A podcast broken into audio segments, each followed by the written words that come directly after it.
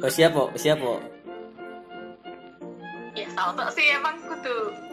Iya, nggak harus siap-siap ya, misalnya ngobrol biasa toh kok. Ayo. Oke, mulai, Ayo. mulai ya. Tengah. Ya. Halo teman-teman, kembali lagi bersama saya Astril Firdaus di Pod Talk konten bicara bebas berfaedah.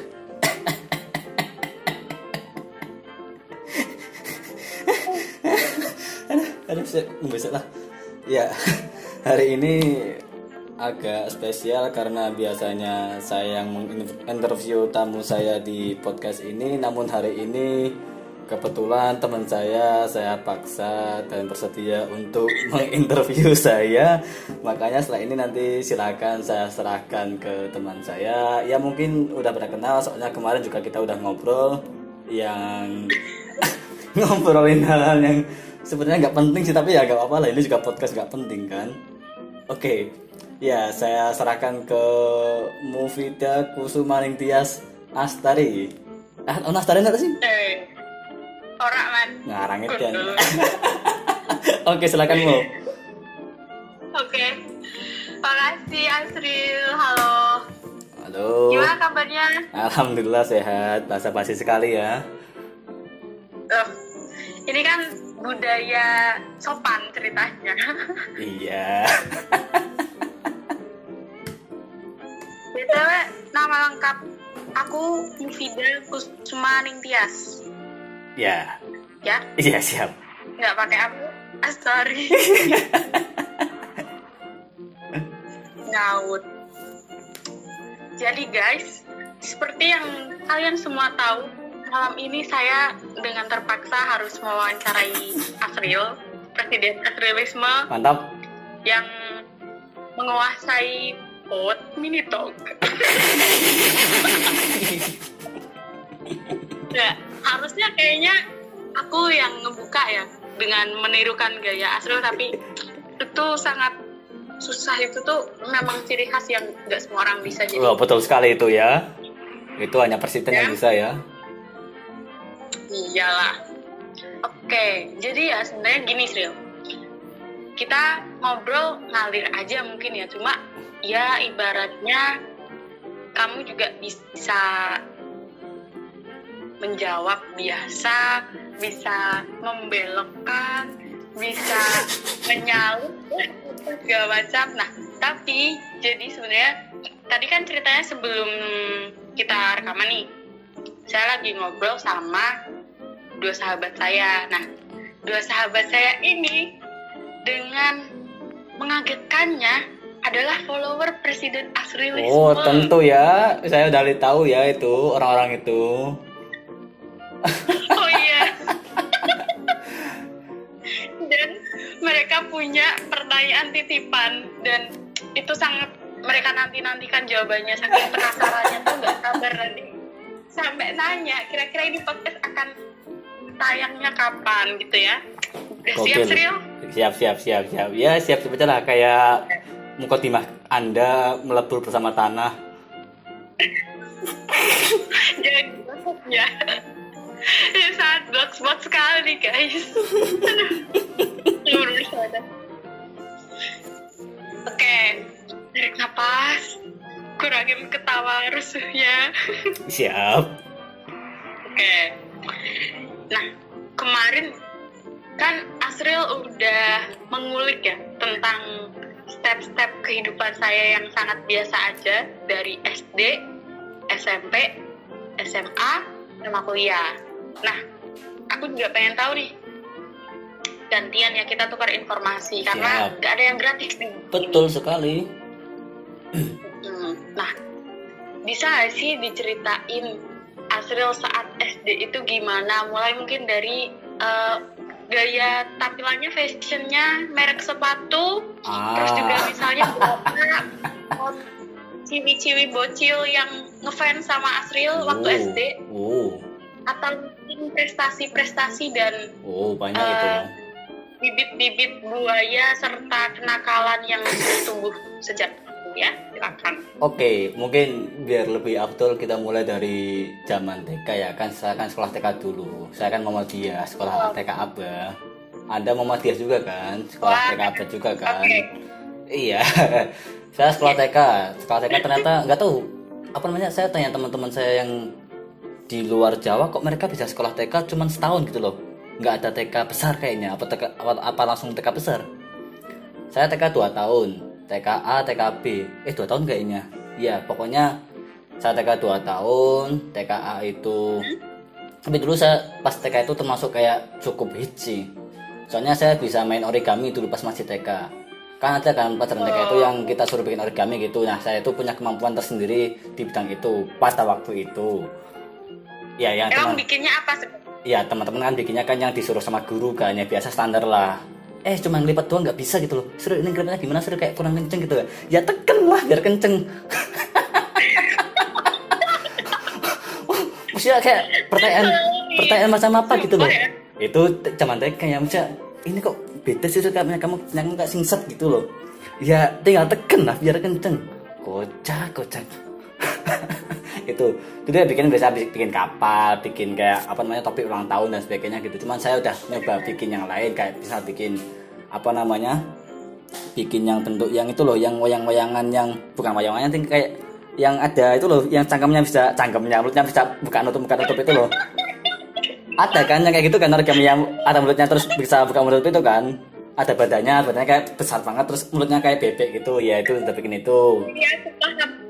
Ibu Ah. aku suka bikin itu soalnya ibu aku TK aku tahu itu jadi kayak kayak baju yang ada kepalanya dan bisa Betul. digerak-gerakin ngomong kan. digerak-gerakin pakai pakai itu kan pakai kertas yang panjangnya itu masukin terus dibengkok dibengkokin di bagian mulutnya biar bisa naik turun mulutnya itu Ya. Ah, iya. cakepnya. itu itu kan ya upgrade lah maksudnya yang lain bikinnya kayak gitu saya bikinnya lebih gitu loh terus bikin itu bikin biasanya kan kapal kan bikinnya kapal yang segitiga itu kan yang kapal kayak di cover apa namanya cover kapal di cover pensil warna Luna Iya. tahu kan pensil warna Luna tahu kan ya. Iya, itu bikinnya kayak gitu. Nah, saya bikinnya bukan kayak gitu. Saya bikinnya kayak speedboat gitu loh. Kayak jet ski lah. Iya, oh, iya. Tahu iya Iya. Aku tahu.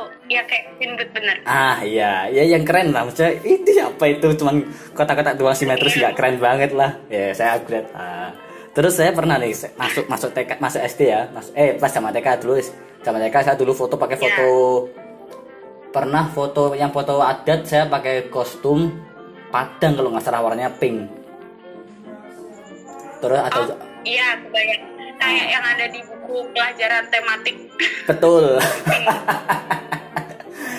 Terus ada juga foto pas pas foto ada foto lagi juga pakai kostum pas itu pas pas wisuda deh kayaknya wisuda wisuda TK. Saya pakai kostum Jawa. Pakai selendang pakai baju warna hijau toska sama pakai blangkon itu ganteng sih kayaknya buat rebutan mbak dulu kayaknya. Itu. Eh, iya. Mbak masih adik-adik ya, masih TK Abah. Iya kan dulu kan tapi nggak kepikiran kayak gitu, cuman kayaknya iya gitu. Ya saya bayangin zaman sekarang banyak anak-anak di umur itu yang jadi rebutan mbak-mbak, kayaknya saya juga termasuk kriteria seperti itu dulu. Ya. Nikmatilah Iya. Anda. saya terus masuk masuk masuk SD nih, saya masuk SD. Dulu ya sebenarnya awalnya aduh mau sekolah lanjut nggak ya kayaknya kayaknya bebannya berat gitu masuk sekolah. Saya masuk SD, saya masuk SD swasta MI Muhammadiyah Jelek Tukang Jelek Tukang itu cuma beda paling Parah. 100 meter dari TK itu Iya. ya saya masuk situ sekolah biasa lah nah di waktu itu ada mahasiswa ada mahasiswi ada siswi yang menarik kelas satu ada yang menarik cuy ya anda tahu sendiri lah Itu kan kelas satu memang sudah oke lanjut. iya kelas satu Siswa yang menarik. Iya yang iya anda pasti kenal Gimana? itu juga teman anda soalnya Oh, ini nggak disebutin di di sini. ya nantilah nanti itu kan perjalanan Oke. Oke, ya Lanjut, lanjut. saya masuk SD. Iya, mungkin pada waktu itu SD itu termasuk mungkin mena apa ya? Kayak lumayan bagus lah karena di zaman itu pas saya kelas kelas 1 kelas 2 kelas kelas 4 itu kita 4 apa 5 ya saya lupa. Itu kami sudah punya komputer lab komputer sendiri gitu loh. Ya. Iya maksudnya kan untuk zaman ini emang dalam tukang Muhammadiyah emang bagus SD-nya iya bagus. Iya. Ya lumayan lah. Untuk zaman Iya. itu kan belum banyak SD yang punya lab TIK kan kita udah punya. Apalagi se- sekarang kayaknya malah nggak ada yang punya lab TIK ya lab TIK yang tempat saya SD juga sekarang udah dibongkar karena udah nggak zaman kan karena juga sekarang udah nggak boleh. Ada pelajaran TIK juga. Ya saya SD Iya. M, di MI itu 6 tahun. Ya kelas 1 biasa lah sekolah biasa. Nggak tahu ya mungkin dulu saya juga termasuk. Eh, ini boleh sombong nggak sih di sini? Nggak apa-apa. Oh, nggak apa-apa. saya juga suka kesombongan suka kesombongan ya alhamdulillah selama tapi kata, ibu saya kesombongan itu bakat dari setan. Gitu jadi astaga. ya ya selama enam tahun alhamdulillah saya mengikuti jejak kakak saya. Nggak tahu kakak saya dulu kayak gitu juga nggak ya? Saya enam tahun ranking satu terus. Saya nggak tahu itu Ya. ranking satu entah karena teman saya belum ada yang bisa membalap atau karena saya terlalu pinter. Itu antara dua kemungkinan Oke. sih. Yaitu sombong dikit tapi ya sebenarnya nggak boleh sombong sih. Ilmu itu kan dari Tuhan kan dari Allah swt kita cuma bisa menerima yang apa yang kita pelajari itu juga hanya sedikit, sedikit banget itu loh. Nah kata guru saya guru saya bilang sama orang tua saya kadang guru pas kelas 1 kelas 2 saya nggak tahu tuh serta guru saya namanya Bu Romsah. Beliau bilang sama orang tua saya katanya gitu ibu sih yang cerita sih. Katanya tuh Bu Romsah dulu misal ngajar saya itu agak kerepotan. Soalnya misal dikasih soal terutama matematika nih dikasih soal matematika baru dikasih misal kasih soal berapa 5 10 gitu. Anak-anak yang lain belum selesai saya, saya selesai dan saya nagih soal ada lagi nggak bu soalnya gitu. Ya. Kayak gitu, gitu terus. Oke, oke. ah itu kan ibu saya. Saya lupa sih. Saya ya ya aja ibu yang ceritakan. Masa ibu bohong kan nggak mungkin juga. Ya mungkin tapi ya kayaknya nggak juga sih. Itu kata kata burom saya itu itu. Iya apa namanya? Dulu tuh hasil tuh itu nggak apa lah kayak kerepotan ibunya lah. Belum apa minta soal lagi minta soal lagi meskipun soal untuk kelas 1 kelas 2 kan sebenarnya gampang soal MTK kelas 1 kelas 2 kan. Paling satu tambah tambahan kurang-kurangan apa yang susah bikin soal kayak gitu. Iya. Ya mungkin ya dibandingkan dengan siswa lain mungkin agak berbeda. Itu terus ada juga dulu di S gimana? Lanjut lanjut. Apa tuh? Eh, anda aja tanya dulu tanya dulu tanya dulu. Ini ngomongin waktu SD kan kelas kan Asrul kan menyombong kan karena saya tuh dulu dikasih soal udah saya kerjain dan yang lain belum selesai saya udah mau soal lagi gitu kan. Ya. Mau sombong nggak mau di Ayunda yang sangat suka ujian. Wow. Tapi ada nggak sih di di sekolah Asrul temen temen apa temen kelas gitu waktu ngerjain matematika gitu dia udah sombong misalnya dia udah sombong ih aku udah selesai nih terus dia nilainya nol. Oh Ada nggak yang enggak gitu? enggak kalau gitu ada. Enggak enggak ada. Enggak ada yang berani kayaknya Nggak ya. ada. iya. Dulu termasuk ya untuk kelas 1 kelas 2 itu mungkin anak-anak masih pemalu juga sih enggak ada yang kayak gitu. Sampai kelas 6 kayaknya juga enggak enggak terlalu barbar kayak gitu. Maksudnya berani bilang udah selesai semua teman-teman nilainya nol kayaknya. Enggak apa ya mungkin salah berapa gitu enggak sampai 100% bener nah sampai nol nol bener enggak ada sih. iya terus terus terus Ya, kelas 1 ya, kelas 1 kelas 2 itu dulu wali kelas saya pertama Bu Romsa. Kelas 2 itu wali kelasnya itu Bu Murti. Itu salah satu guru guru primadona di MI itu karena dulu pas zaman saya itu ibunya itu kayak Ulan Guritno bisa dibilang. oke Iya, itu primadona itu Bu, Bu Murti itu dulu ngajar bahasa Jawa juga. Yang ngajar pertama ngajar bahasa Jawa, bahasa Kromo dan sebagainya itu ya salah satunya Bu Murti itu. Wali kelas kelas 2. Kelas 2 dulu kelas saya kelas 2 itu di belakang. Jadi pas zaman saya itu belum tingkat kayaknya dulu tuh. Ya udah tingkat sih pas kelas pas saya kelas 4 udah tingkat pas zaman zaman kelas 1 kayaknya belum tingkat belum jadi tingkatnya kelas 1 di belakang terus sampingnya kelas 2 kelas 3 kelas 4 di depan kelas 5 oh udah tingkat ting. Kelas 5 di atas kelas 6 di atas juga atas atas itu dua ada dua kelas bawah ada empat kelas. Tengahnya lab lab TIK ya kelas 3 kelas 2 itu ya masih biasa kan belum pernah ikut, lomba karena juga dulu juga kelas 4 eh kelas kelas 2 itu kan masih ke- terlalu kecil kan buat ikut lomba ikut lomba apa gitu. Kelas 3 wali kelasnya itu Bu Uswatun. Wah saya ingat terus semua ya gokil sumpah. Wali kelasnya Bu Swatun keren Iya, ya karena kita alhamdulillah sampai saat ini teman-teman SD juga tiap tahun diusahakan selalu kumpul gitu loh. Dan tiap Ya. lebaran itu juga diusahakan silaturahmi ke guru-guru SD gitu bareng-bareng. Ya mungkin ada beberapa yang nggak ikut karena udah sibuk gitu, sibuk di karirnya sendiri lah. Gitu. Ya kelas 4, kelas, kelas 3 Bu Murti, kelas 4 nah kelas, kelas 4 ini udah mulai ikut-ikut lomba gitu karena ditawarin lomba kan ya mau mau aja lah ikut lomba masa nggak mau sih? Kelas 4 itu wali kelasnya Pak Pak Aris Pak Risyanto itu guru matematika yang juga ngajar saya dan bimbing saya bisa ikut lomba matematika sampai tingkat provinsi. Mantep Iya sebenarnya itu kayaknya kebejan sih soalnya pas apa namanya seleksi ke tingkat kecamatan itu saya termasuk yang nggak diunggulkan karena kelihatan bodoh. Masa cuma nyari rata-rata aja nggak bisa rata-rata main media modus itu nggak bisa. Di sisi lain sekolah lain itu meme kauman kalau nggak salah itu mereka udah lebih expert lah udah lebih jago gitu. Udah di- dijagokan ini pasti yang bakal lolos nih sampai sampai apa namanya sampai karesidenan terus sampai provinsi gitu. Nah ternyata pas seleksi karesidenan cuma Ya. saya yang lolos sampai tingkat provinsi gitu. Akhirnya saya mewakili karesidenan Kalongan maju ke provinsi. Itu di Semarang dulu lombanya lomba matematika kelas 4 kalau nggak salah yang ngajar Pak Resianto saya masih ingat. Nah katanya itu saya nggak tahu sih bohong apa enggak. Soal yang di lomba soal itu ol- olimpiade kan olim olimpiketing olimpiadenya Muhammadiyah. Yang dari apa dindik bukan dindikbud apa nek kalau Muhammadiyah itu namanya? Dari majelis apa sih? Iya iya. Apa namanya. Majelis? Majelis pendidikan dasar dan menengah. Ya sih? Ah pokoknya itulah. Lupa yang logonya ada mataharinya terus ada cagaknya itu. Iya yang kayak gapura matahari. Ah betul. Ya ya itu. Ya Olimpika alhamdulillah sampai provinsi ya meskipun di provinsi nggak menang ya tapi lumayan lah. Peringkat berapa dulu? Aku udah ingat. Dikdasmen. Ah Dikdasmen ya dulu pernah itu logonya saya gambar buat tugas seni gambar kesenian. Ya saya mau dia banget dulu ya?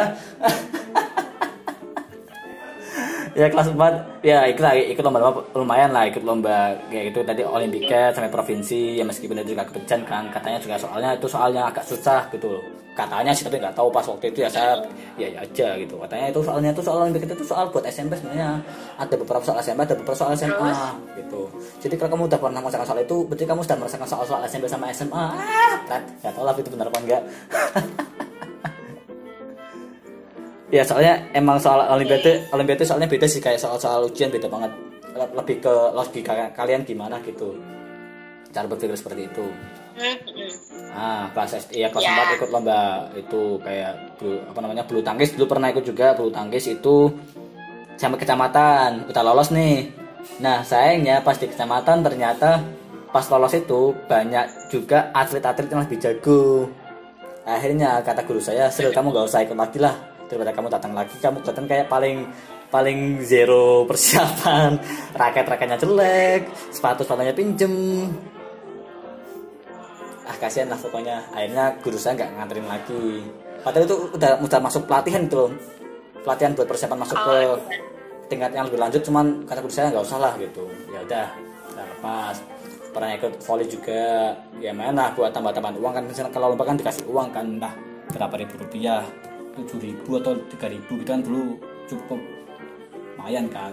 Kan dulu zaman saya TK itu eh SD itu uang saku saya itu 1500 buat di sekolahan 500 lagi buat TPA ya. Nah gitu. Ya kan uang lomba 3000 kan lumayan kan bisa buat jajan gitu loh. Nah tingkat kelas Iyalah. kelas 4 lewat lah. Kelas 4 lewat.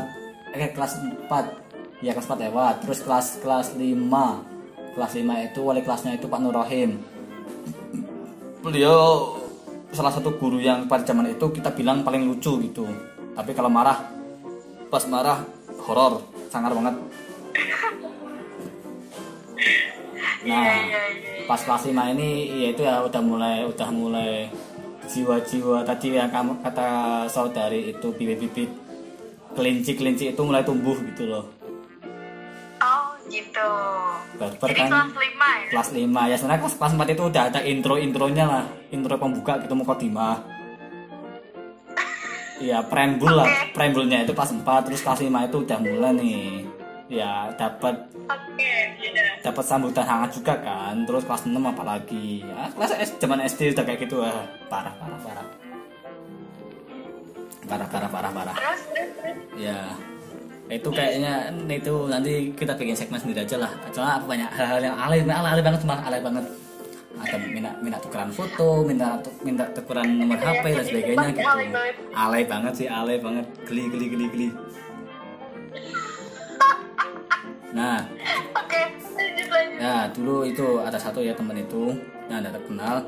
Ada lagi satu yang sekarang jadi mahasiswa UNES. Ada dulu pas itu dulu teman dekat saya juga soalnya dulu oh jadi dulu Iya kan saya kan penikmat film cik nganu apa namanya My Heart. Saya termotivasi kan. Head series. Head Ya, series. I know, I know. Maksud aku. Oke. Saya kan- Maksud aku jadi siapa yang Rahel, siapa yang peri kecil? Yang yang peri kecil yang teman Anda, soalnya dia kan kecil kan.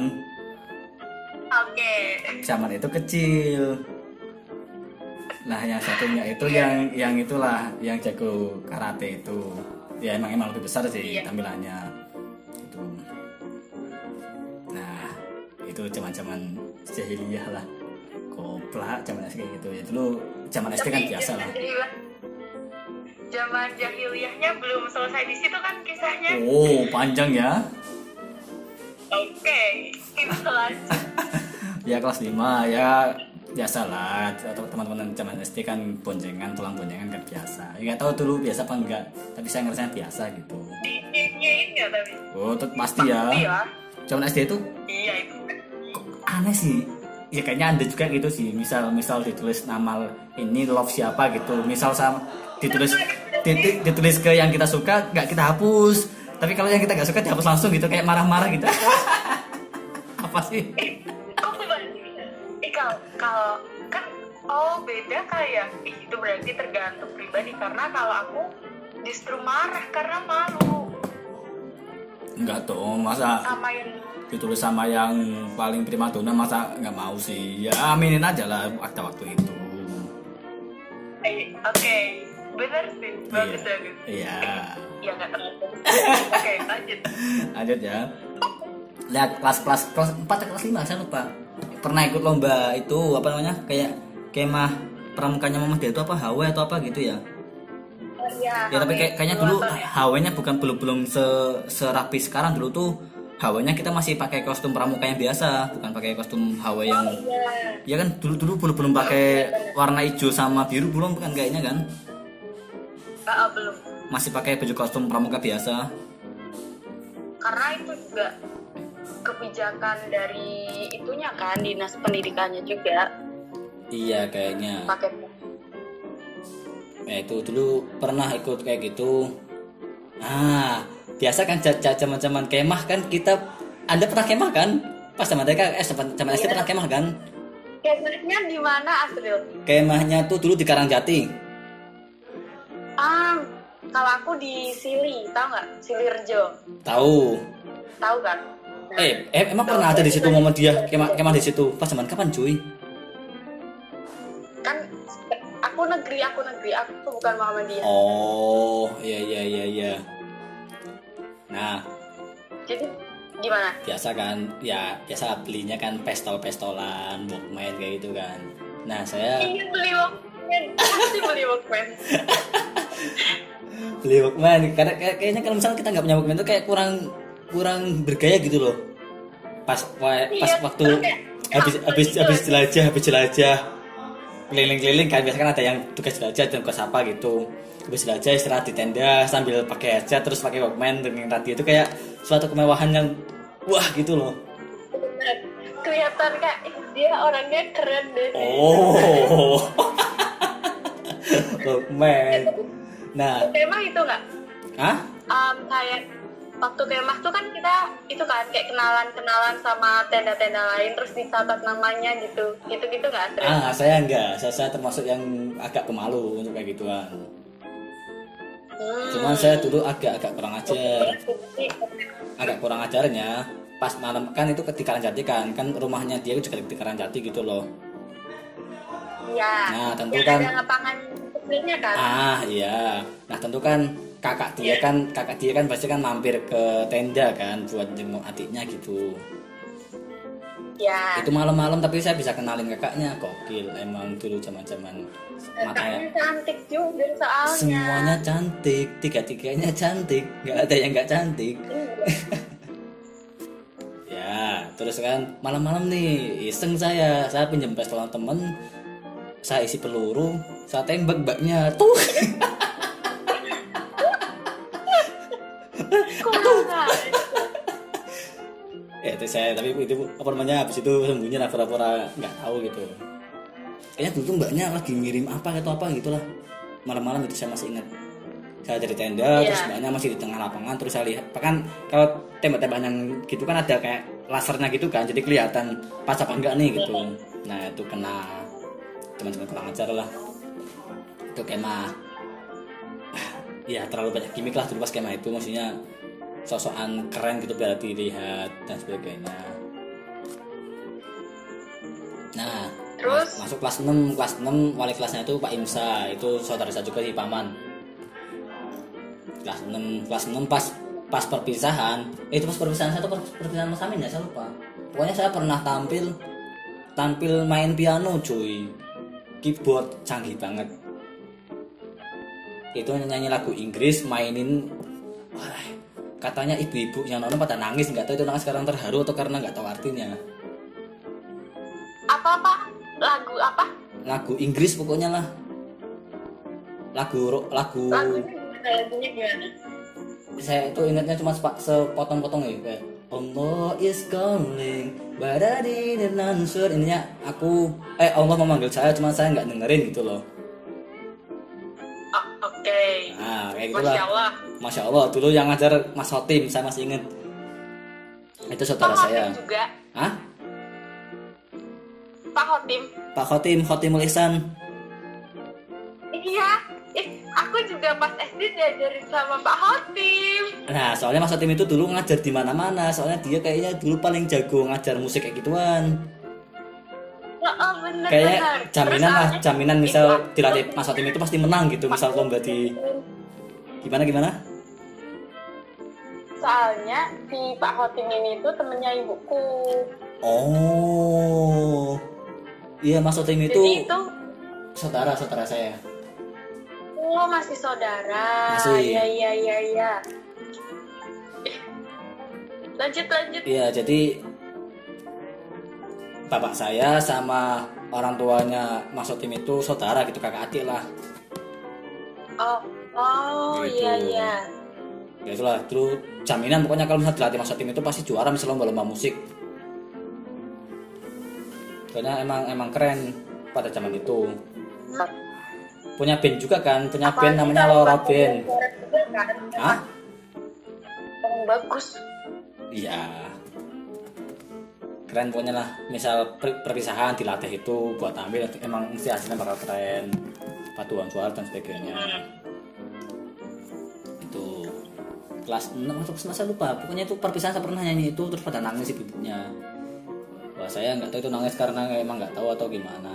Nah kelas 6 dulu ada teman saya. Ini terima. Hah? Eh, kan mestinya jangan bilang kayak gitu iya tak bercanda kenapa harus bilang karena nggak tahu gitu ih jahat banget Iya, saya juga nggak tahu artinya soalnya. Masalahnya saya yang nyanyi juga nggak tahu artinya. Cuma ngikutin omongannya Mas Otim. Mas tadi apa sih bilangnya apa di lirik itu? Ini sudah bacanya gini sambil mulutnya monyong-monyong gitu kan bahasa Inggris kan. Maksudnya dulu juga ngajar bahasa Inggris pas saya kelas eh, kelas masih SD. Allah is calling, but I didn't answer. Canggih banget dulu lah zaman SD nyanyi kayak gituan. SD di kampung juga kan. Biasanya nyanyikan terima kasihku ku ucapkan. Ya, lebih canggih lebih upgrade lah. Iya.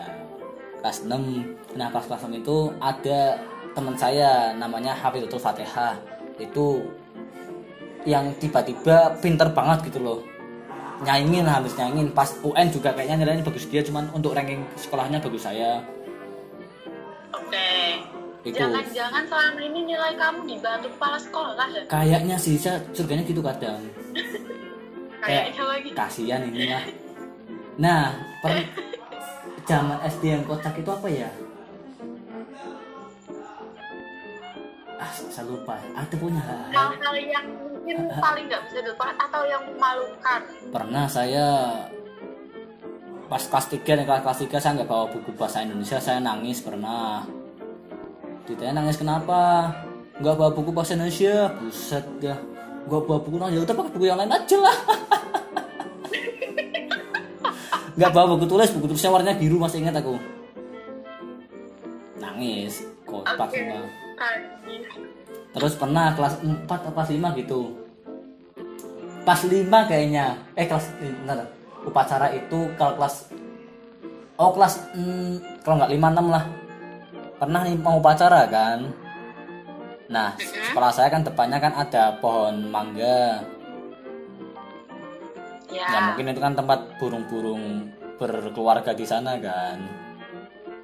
Iya. Nah, pas nunggu waktu. Pas nunggu waktu upacara saya diberakin sama burung. Baju. Kena baju bagian pundak kocak sumpah. Ini. Oke. Seenggaknya nggak nggak pas di kepala gitu. Loh. iya mepet dikit lah. Nangis nggak? enggak dong kelas 5 udah malu dong. Karena udah keluar kelinci-kelincinya. Terus saat si ee-nya burung sampai ke pundakmu, apa yang kamu lakukan pertama kali? ya pertama bersihin pakai daun biasa. Terus ke ke, ke WC buat bersihin. Tapi tetap ada bekasnya lah. Ya lah maksudnya kayak bereaksi apa gitu kayak asem atau mungkin kayak astagfirullah atau mungkin kayak apa gitu enggak. Jadi kayak langsung ya udah bersihin gitu. Apa dulu ya kayaknya asem tok kayaknya atau Oh, iya. atau azik gitu. Asem tuh udah mau aja lah udah ah iya. bawaan. Bahan merek. Ah. Terus terus terus. Ah terus kelas kelas 6 ya kelas 6 kayak gitu biasa lah. Itu kelincinya udah agak mau disate gitu kan udah kelas 6 kan. Nah, kelas 6 lulus, lulus dengan nilai yang biasa-biasa aja. Terus habis itu SD selesai. Wah saya ceritanya terus lumayan panjang ya. Nah, ada ada masa-masa yang jahiliah cuman saya agak malu di sini.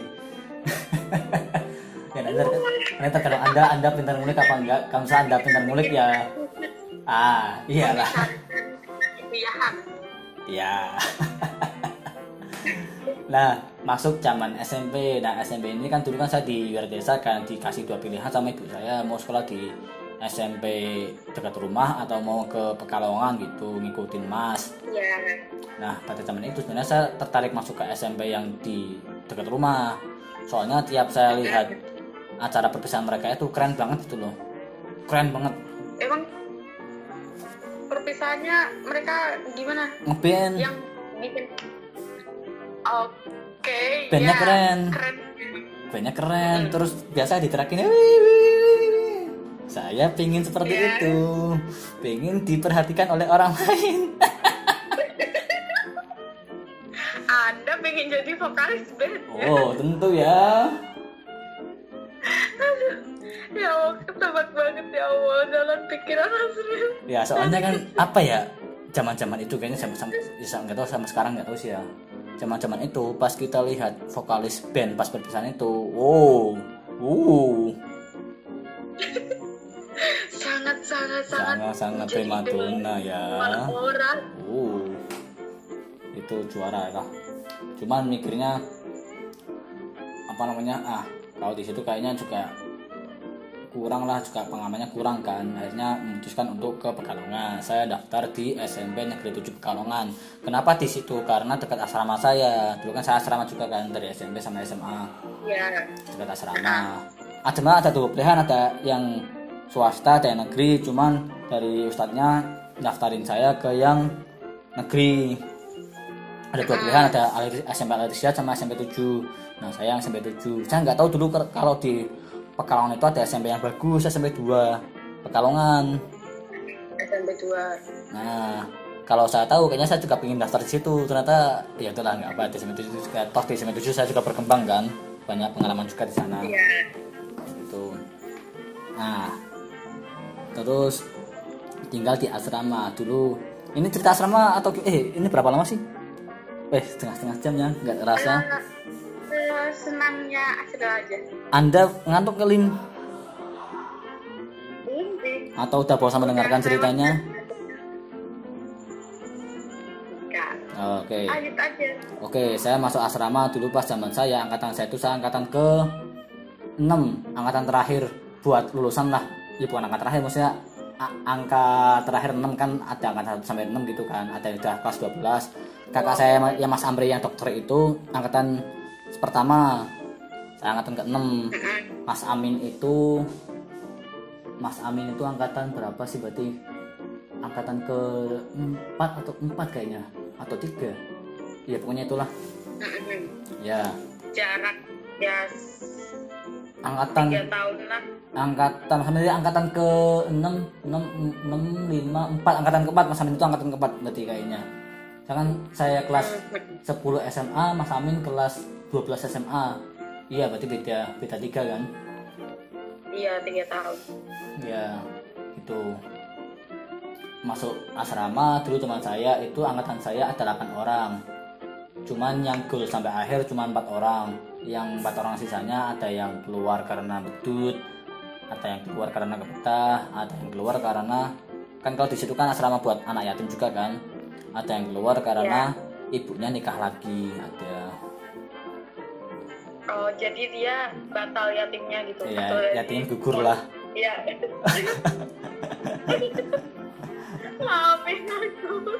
Ya yatimnya udah swasta gitu. Iya yatimnya swasta. Iya lanjut lanjut Ah, nah kelas 7 saya masuk kelas 7 ah kelas 7 itu saya cukup hits ternyata hits, hits di sekolah. Udah dikenal banyak udah langsung dikenal lah.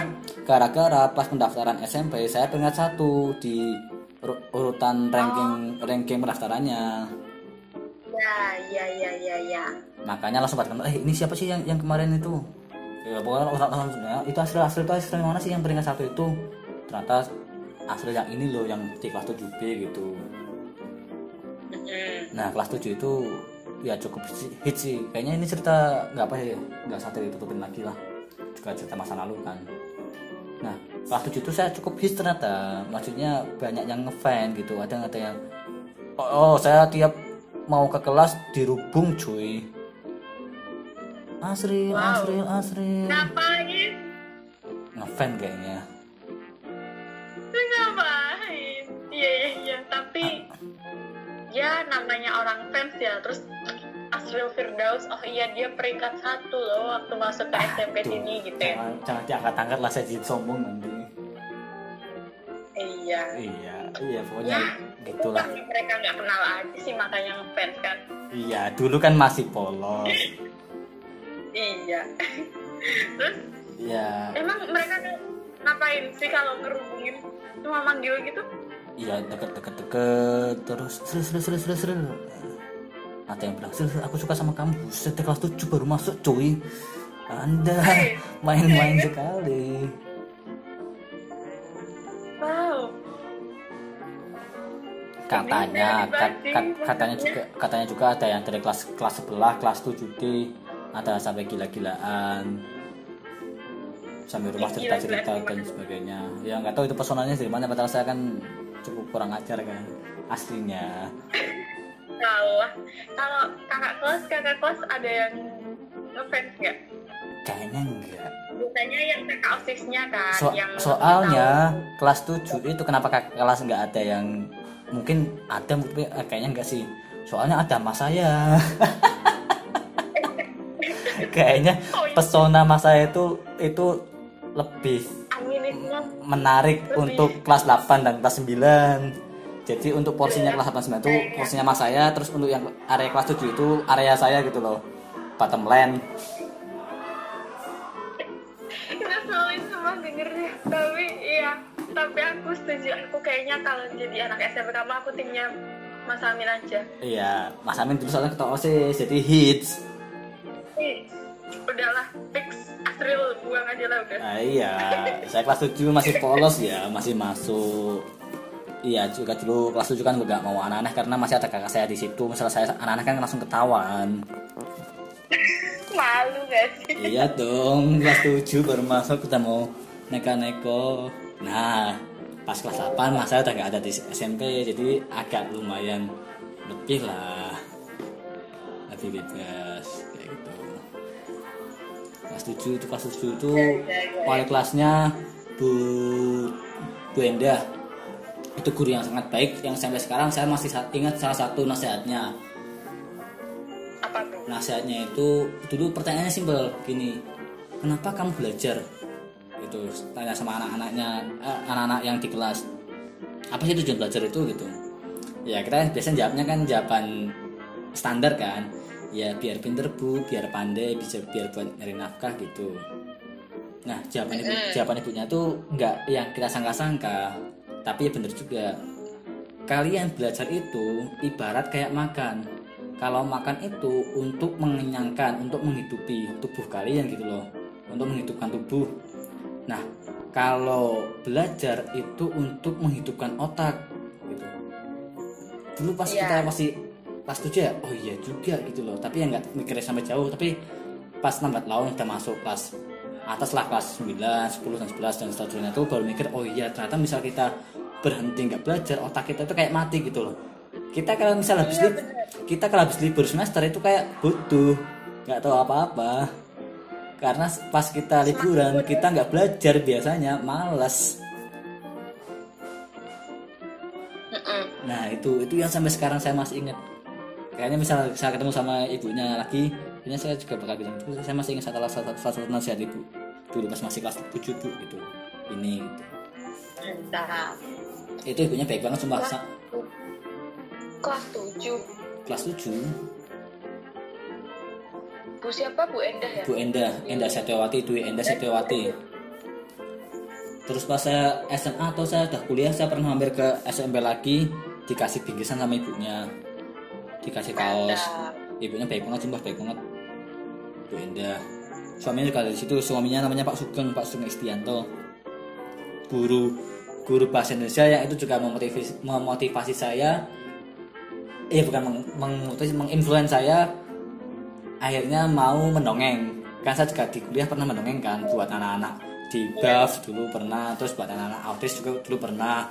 Buat anak-anak TGJ dulu Ya. juga pernah nah itu salah satunya Ya. terinfluence dari apa yang disampaikan Pak Sugeng pada kelas 7 pada saat kelas 7 ada pelajaran bahasa Indonesia mendongeng gitu. Ya sebenarnya pas zaman kelas 7 itu saya dongengnya nggak terlalu bagus sih. Saya saya ngambil dari internet. Iya. jelek pokoknya lah jelek banget. Saya juga ma- masih aneh lah ceritanya dulu ada yang paling keren menurut saya pas pas sesi dongeng ini. Namanya Anis Anis Duyanti dia dongengnya itu bagus banget. Lancar terus pembawaannya juga menarik cara dia ngomongnya itu asik gitu loh.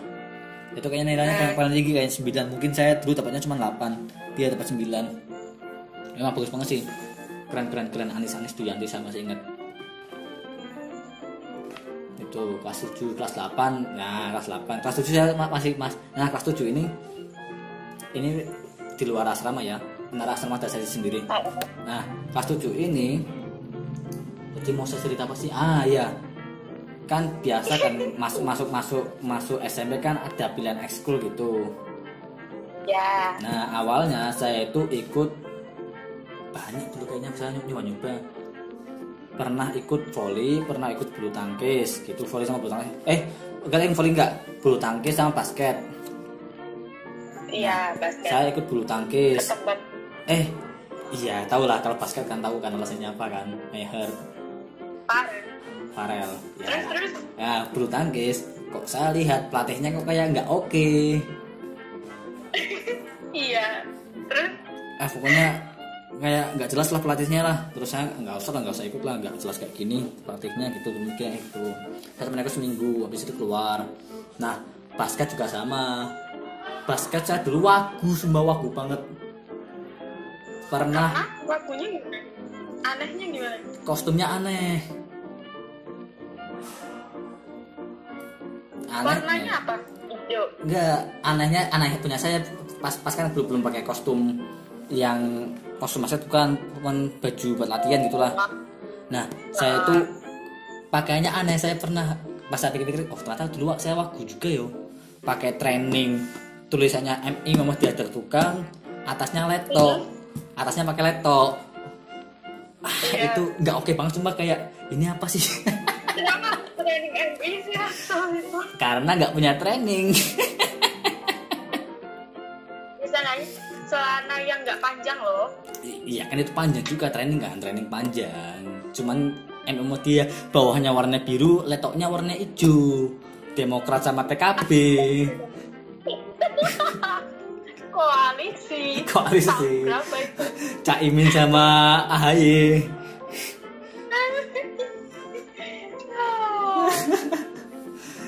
Oh, aku punya ya. ternyata saya ikut basket nggak cocok nggak cocoknya apa ya awal ya awalnya sebenarnya menikmati sih cuman ternyata kok lihat teman-teman yang lain kok lebih jago gitu. Dan saya juga merasa nggak akan bermain di situ ah gitu ya? merasa nggak akan bersinar di situ iya jadi pindah ke mana akhirnya di rumah itu pas liburan asrama itu balik ke rumah kan ditanya eh kamu ikutnya ekstra apa? Sril?" sama kakak saya. Ikut basket sama bulu tangkis. Lah ternyata bukan ternyata yang saya satu sih. Kakak saya itu lah malah ikutnya basket sama bulu tangkis gitu. Ikut bela diri lah bencong banget masa laki-laki bisa bela diri gitu nyemeh Astagfirullahaladzim Kenapa harus nyebut kata itu sih? Lanjut ya pokoknya dulu bahasanya hampir kayak gitulah intinya Mm-mm. lah kakak saya itu semuanya atlet semua mas Amin atlet mas mas Amir juga atlet mas, mas Amir lagi malah dia udah beberapa kali sampai provinsi Mm-mm. nah dari situ saya melihat wah kayaknya potensi nih kakak saya di taekwondo itu kayaknya taekwondo kan nggak nggak ikut silat karena silat kayaknya terlalu keras akhirnya taekwondo juga Terlalu.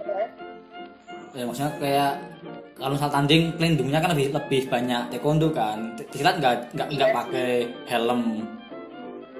Iya Kan nggak boleh nyerang kepala. Nah iya tapi kan kalau misalnya nggak sengaja kan nggak apa kayaknya. Tapi di sangat sangat gitu loh. Iya Terus kayaknya juga pernah Stopda kayak gitu. Jadi nendangnya tuh ketinggian kan Kena kepala. Nah Ya udahlah. ngeri cuy. Kayaknya juga kalau silat kan nggak nggak pakai itu kan nggak pakai pelindung kemaluan kan atau pakai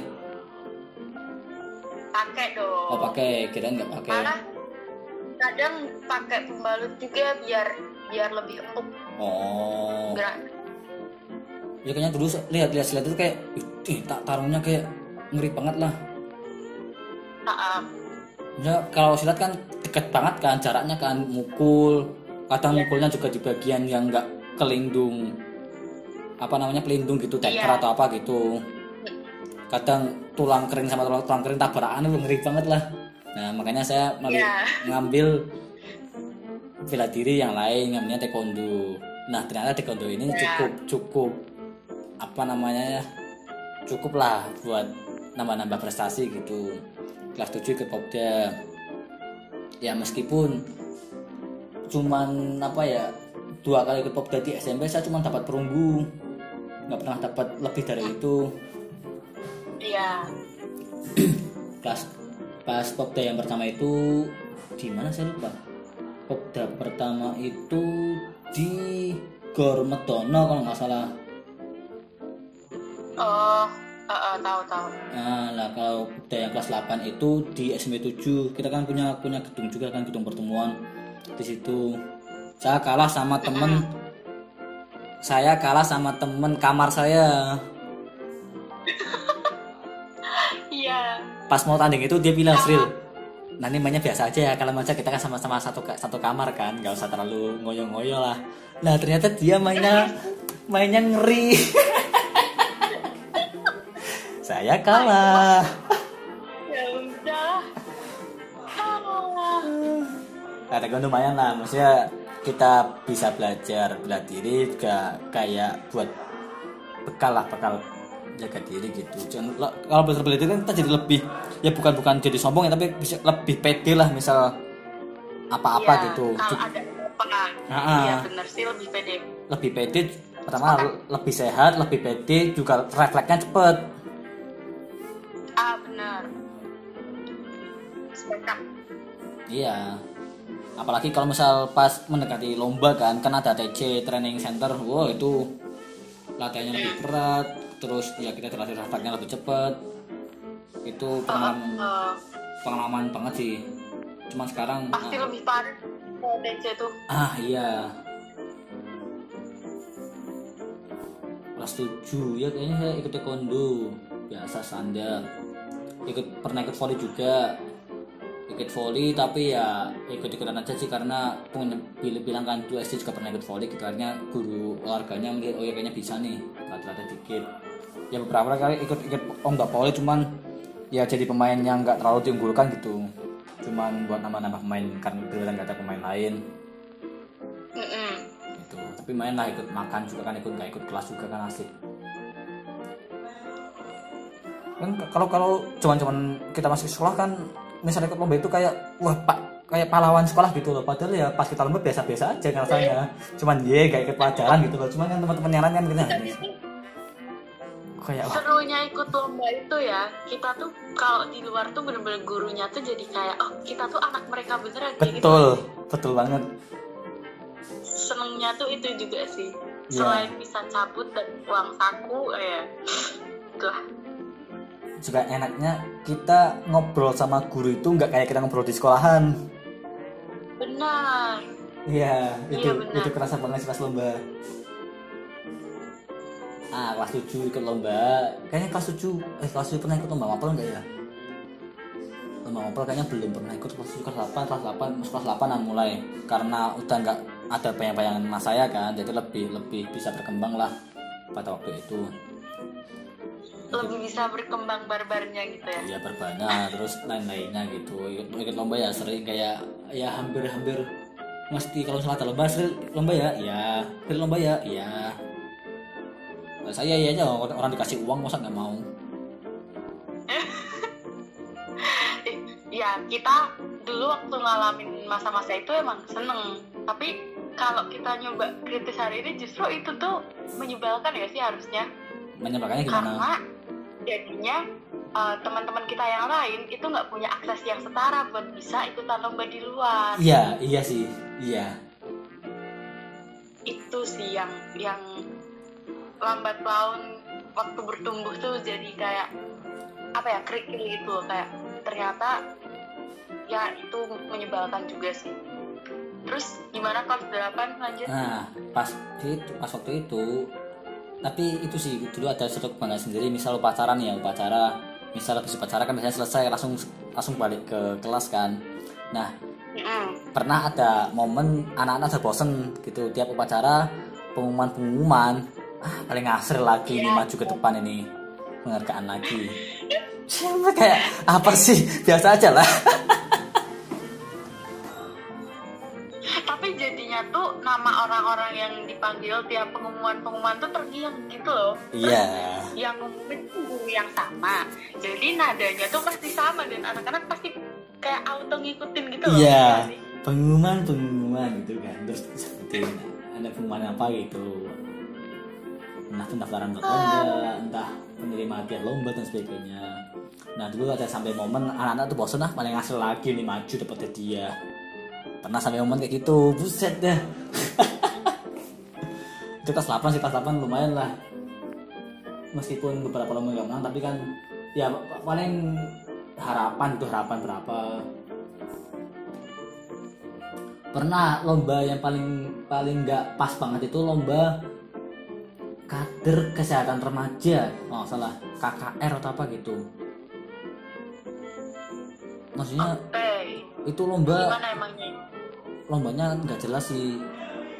Nggak jelasnya persiapannya juga nggak jelas. Cuma seril nanti ini bakal ada lomba nih. Ikutan ya kamu nyari materinya sendiri. Nanti coba kamu print nanti bawa ke saya. Misalnya kurang materinya saya kasih materi lagi. Ya. Nah di lomba itu tuh soalnya ya soal-soal aneh ya bukan aneh sih mungkin karena kita nggak belajar lebih ya kayak misal demam berdarah kita harusnya ngapain apa yang harus kita lakukan apa eh, kadar kadar apa namanya darah merah di tubuh, di tubuh itu berapa dan sebagainya kalau kayak gitu Ah. lah Asril waktu SMP PMR. enggak Terus ngapain ikut? ya karena Karena disuruh ya. karena disuruh orang pilihan Iya, tiap lomba yang doang. tiap, tiap lomba yang ditunjuk orang-orang itu aja Iya. Iya, iya, bener. itu tuh kayaknya dulu tuh saya nggak tahu ya atau saya lupa, lupa banget kayaknya dulu masih main ke kantor kantor kantor guru langsung ditawarin sih lah lomba ikut ya buset ya enak banget kasih nawarin lombanya nggak nggak formal gitulah ngobrol biasa Iya. Keselin sih, dengernya ngeselin. Maksudnya, ya aku aku seneng kamu jadi, maksudnya terus jadi punya banyak pengalaman dan prestasinya bagus. Cuma itu ngeselin sih ternyata sekolahanmu. iya ya tapi untuk lomba-lomba lain ada lah ada yang punya apa namanya anu sendiri orang sendiri gitu kayak lomba Tapi juga pasti ya nggak terjangkau luas Iya. juga lah. Iya, itu sih nggak enaknya itu maksudnya anak yang lain harusnya itu bisa di, lewat seleksi, cuman nggak pakai seleksi langsung ditunjuk gitu loh. Nah, Ah, kalau tes itu Sril, ini karena udah kan masih panjang nih. Aku kepo waktu kelas 9 pas perpisahan. Karena kan sebelumnya kan Asal kan ceritanya kayak eh, pas perpisahan tuh ada SMP yang deket rumah tuh keren gitu ada band. Dan Iya. sebenarnya perpisahan di SMP Asal gimana? nah awalnya zaman itu tuh pas zaman saya kelas 9 awalnya mau ngadain perpisahan yang kayak gitu di gedung, eh, kan kita punya gedung kan, mau ngadain konser kayak gitulah perpisahan gitu. Mhm. Saya udah ngecob temen buat nyanyi. Udah Oke. latihan, lagunya lagunya Ari Lasso Ya, yang hamba, oke. tapi dibikin duet. Dulu partner duet saya itu namanya Mutia kalau nggak salah. Eh ternyata nggak jadi ada perpisahan. Dulu tuh gara-garanya apa ya? Seru pak. Pokoknya ada kasus apa gitulah. Akhirnya pas kita kayaknya nggak ada perpisahan apa apa kayaknya. Cuman main main ke Linggo Asri kayaknya udah kayak gitu doang. Oh Nggak- iya gitu ya. Gak, gak ada perpisahan pokoknya akhirnya itu mimpi saya buat konser di wuh nggak ada Terus di Linggo Asri kegiatannya ngapain? outbound Oh, oh ya, ya lebih menyehatkan lah. Curiga ya biasanya kalau apa kalau perpisahan terus band itu kan nggak kondusif ya nggak sih? iya kayak kayak- kayaknya itu kayaknya alasannya alasannya itu kayaknya Kadang ada anak-anak yang maksudnya yang apa ya? Kalau sebutannya sih dulu nakal gitu misal minum apa kayak gitu gitu gak sih? ya mungkin kayak gitu kayaknya ya alasannya mungkin itu ya akhirnya beli Tapi ada wisuda, ada wisuda nggak? SMP tuh ada nggak sih? SMP saya nggak ada kayaknya atau saya Saya juga kayaknya ada. atau saya yang ikutan kayaknya emang nggak ada sih cuma di Linggo Asri Berarti- itu Outbound aja itu ya. kayaknya ya seingat saya itu Outboundnya yang paling nyenengin atau yang paling diinget apa tuh? outbound yang paling diinget temen saya nggak suka makan ayam. Terus? Dibuang. Dibuang. Ibu, cerita. Serius tadi aku eh, eh aku tanyakan sama anaknya itu eh gimana tadi makan enak gak gitu. Nggak suka ayam. Nah, terus ayamnya dibuang. Lah kocak mending kasih saya lah. Iya. Ah, telat sih nanyanya. iya.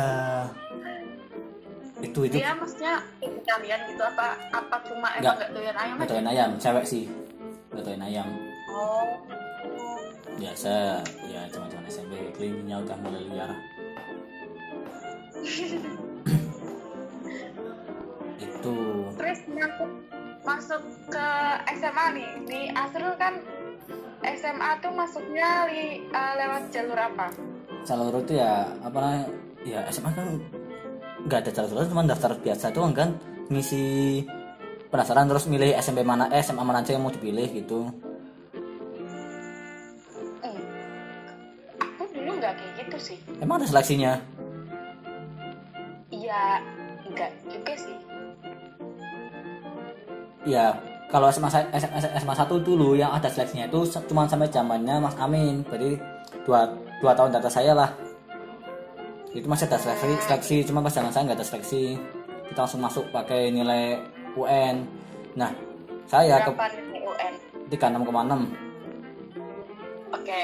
Nah, untungnya kebantu sama piagam lomba. Dulu pernah ikut lomba rumpun mapel IPS juara satu. Rumpun Mapel IPS Iya, juara satu. Iya. sekota. Lombanya di SMP 13. Itu kelas 8. Kelas 8 itu itu kan cuma zaman masa jaya kan. Sampai saya hampir Iya. hampir hafal buku paket IPS kelas 1 2 3. Gak tiap hari dibuka buat latihan soal. Iya iya iya iya.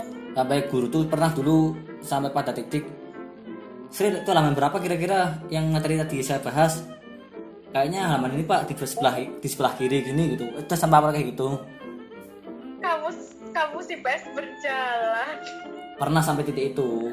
Pokoknya misal bikin apa gitu udah tanya Sri aja. Gokil. Zaman-zaman masih pinter. Ke SMA satu. SMA satu. Ya dulu sosokan aduh. Mosnya gimana tuh? ah Mosnya mosnya. Mosnya dulu saya nggak terlalu tertarik karena biasa standar kan ada marah-marah, cutting marah-marah gitu.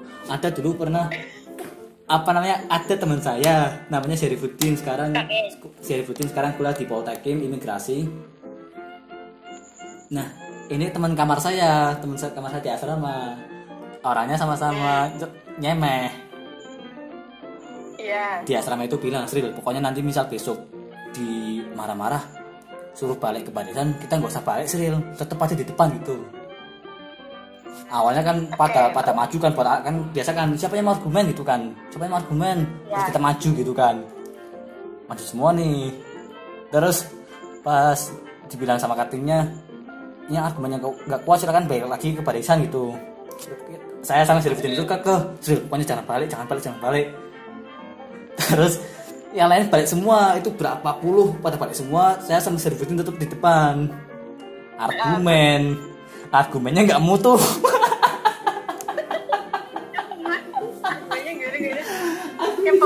Argumennya dulu apa ya wagu pokoknya lah wagu banget pokoknya kayaknya lebih nggak mutu daripada yang pada mundur Tapi kalian tetap di depan. iya sosokan keren gitu loh sosokan pejuang membela teman-teman gitu loh ya akhirnya Wah. argumen argumen kamu nggak Sekali ya. argumen kamu nggak kuat silakan balik lagi terus kita balik lagi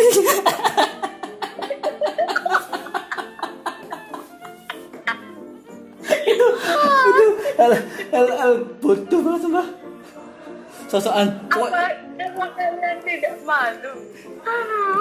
Kayaknya dulu termasuk orang-orang yang jalannya pokoknya di dulu masuk yang di, di tenis sama cutting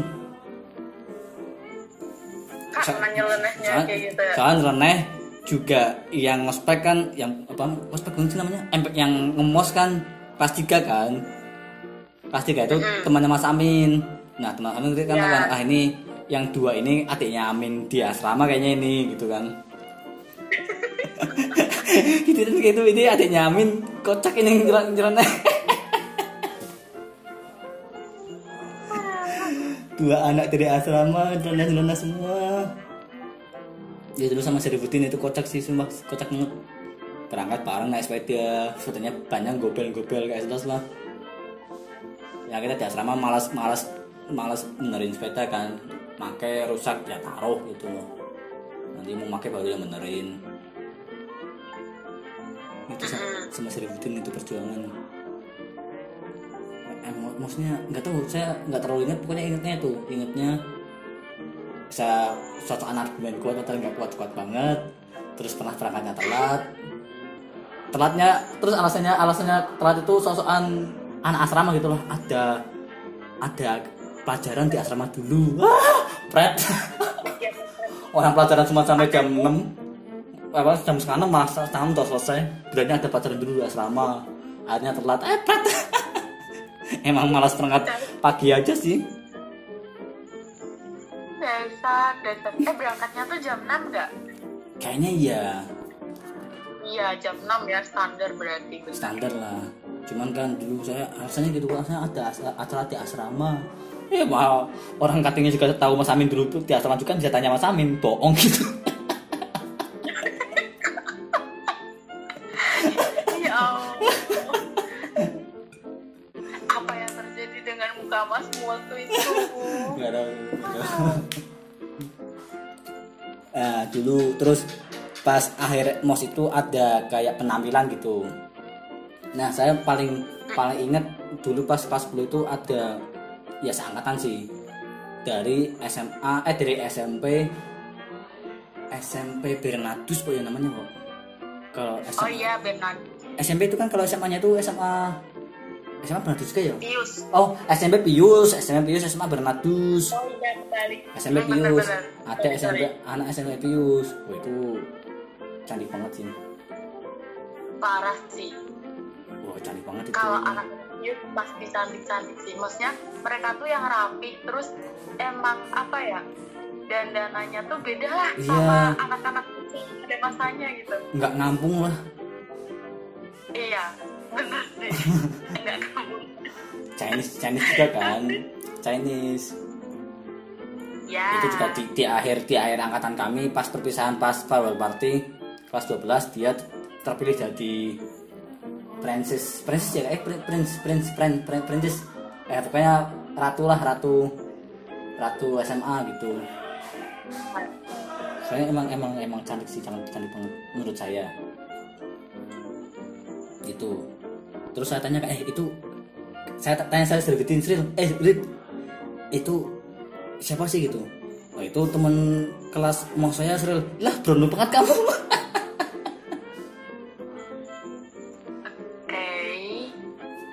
banyak ah Sriwitin itu teman perjuangan teman-teman. Tuh tuh SMA lah. Apa apa tuh botol tutupnya lepas. Itu Srifutin kalau misalnya saya ngomong Srifutin itu nggak ada habisnya tapi dia orangnya paling baik sih. Pernah Srifutin nganterin saya kan dia kan rumahnya deket kan di Rapiak kan? Jadi bisa balik ke rumah dulu misal di asrama. Pernah dia nganterin saya ke sekolah ke SMA padahal kita satu satu SMA gitu kan pakai motor dia ngambil motor dulu. Dia nganterin saya ke SMA dianya nggak masuk sekolah cuma nganterin doang. Iya. Dasar aneh sih. Itu teman-teman kocak dulu itulah teman-teman sampai kelas 10 terus lanjut yang kelas 11 kan biasanya bersinar bersinarnya seorang siswa SMA ya nggak sih? Ya nah. Gimana sih sinarnya Astrid kelas 11 kalau kelas 10 saya ikutnya popda popda popda taekwondo. Kelas 11 nggak bisa ikut nggak bisa ikut popda karena udah tua. Karena apa? Udah tua umurnya nggak cukup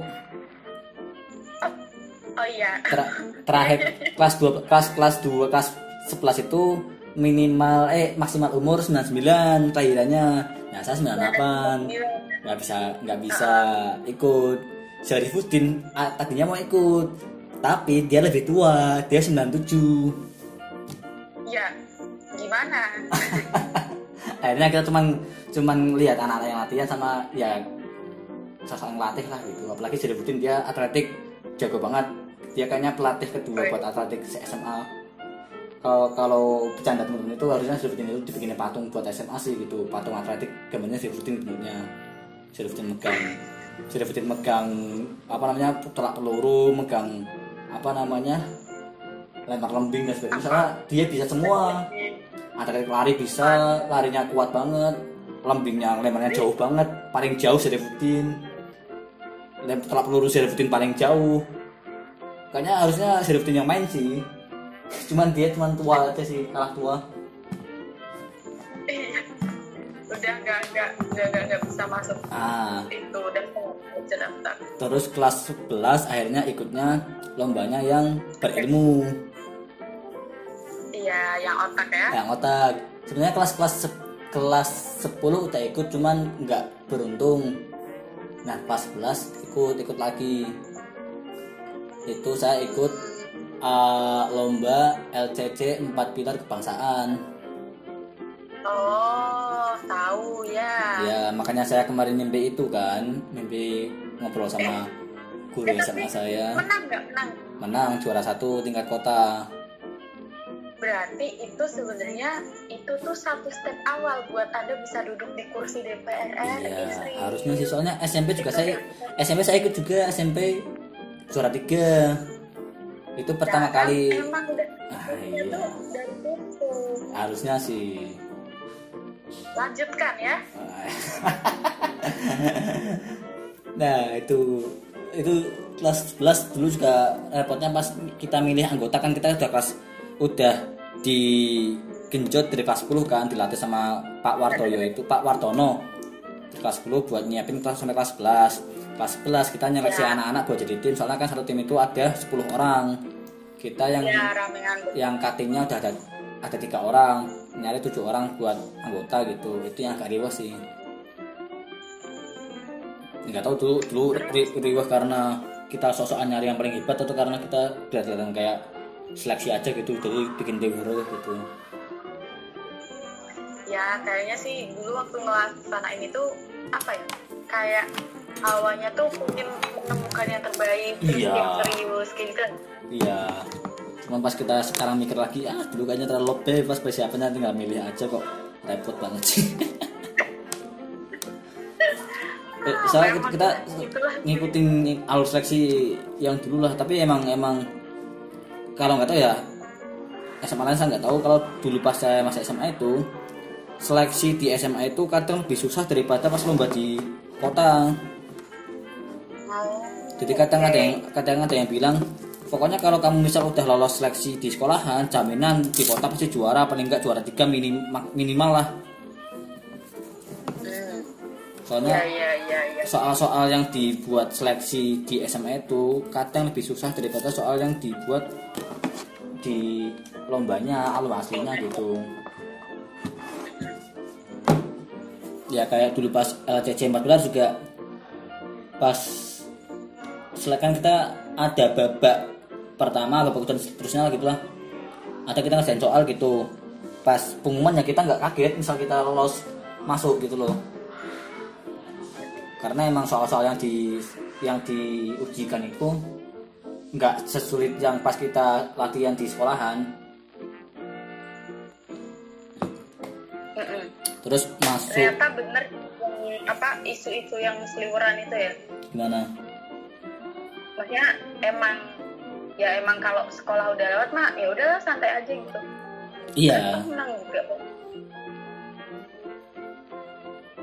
makanya kalau misal anak-anak yang lolos seleksi di sekolah itu udah jaminan pas lomba dapat piala lah Ya. dulu kayak gitu Pialanya buat lu apa dibawa pulang? di pas sekolahan sih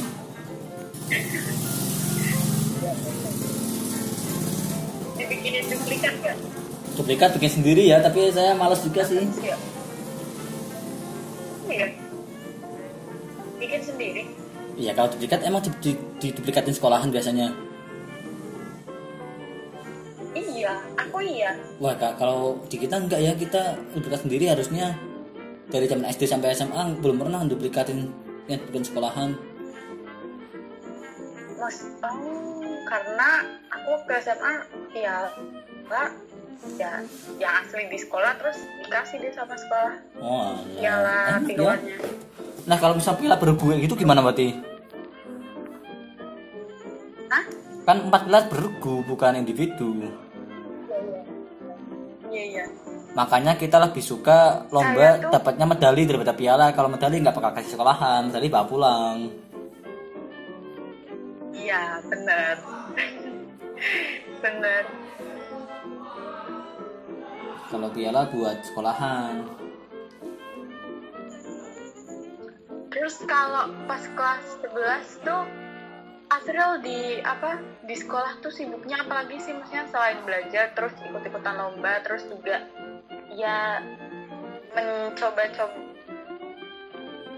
oh gitu maksudnya apa yang Ah, iya. Saya ikut eksulnya pramuka. Kenapa ikut pramuka? Karena saya melihat kakak saya Mas Amin ikutnya pramuka. Dan saya lihat pas dulu masih di asrama Mas saya itu sering keluar asrama gara-gara ada kegiatan pramuka. Saya termotivasi biar bisa keluar kayak gitu juga. tuh sinyalnya kok potong. Cek cek cek. Ah, nah itu ala- alasannya tuh alasannya karena saya lihat mas saya itu sering keluar acara pramuka. Dan saya lihat folder foto-foto di laptopnya bagus-bagus fotonya saya pengen punya kayak gituan. Eh ternyata pas saya ikut pramuka saya termasuk yang jarang foto-foto karena malu minta foto ke temen. Akhirnya mimpi saya punya foto-foto zaman SMA nggak juga nggak punya juga. Dua kali janda pupus. Ah, iya, makanya itu yang motivasi saya pas kuliah tiap ada event apa-apa saya pengen dokumentasi ya saya dokumentasi sendiri gitu loh Oh, iya.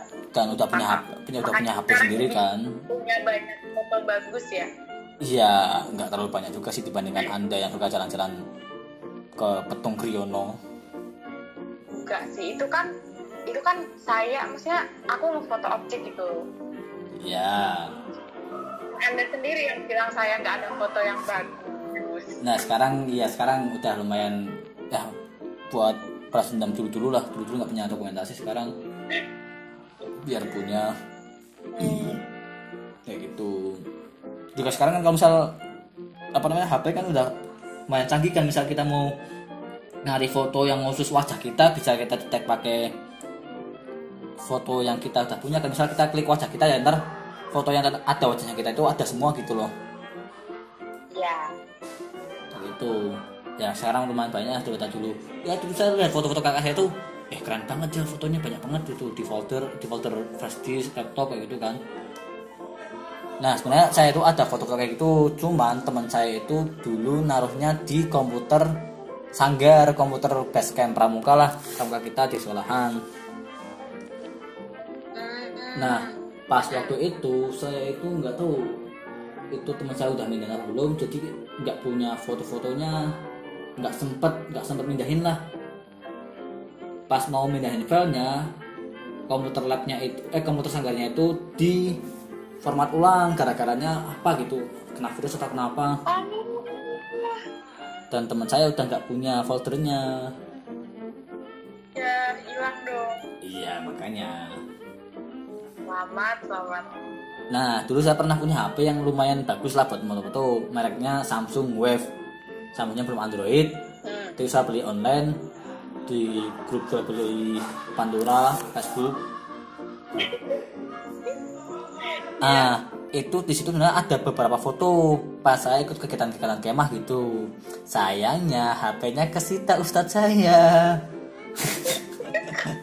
Dan saya belum sempat mindahin foto-fotonya ke laptop. Akhirnya dokumentasi saya selama itu hilang. Kemah saya kemah di sini. si nah, Ustadz tuh diapain sih HP-nya? Ah, ada beberapa perlakuan tergantung mood sih.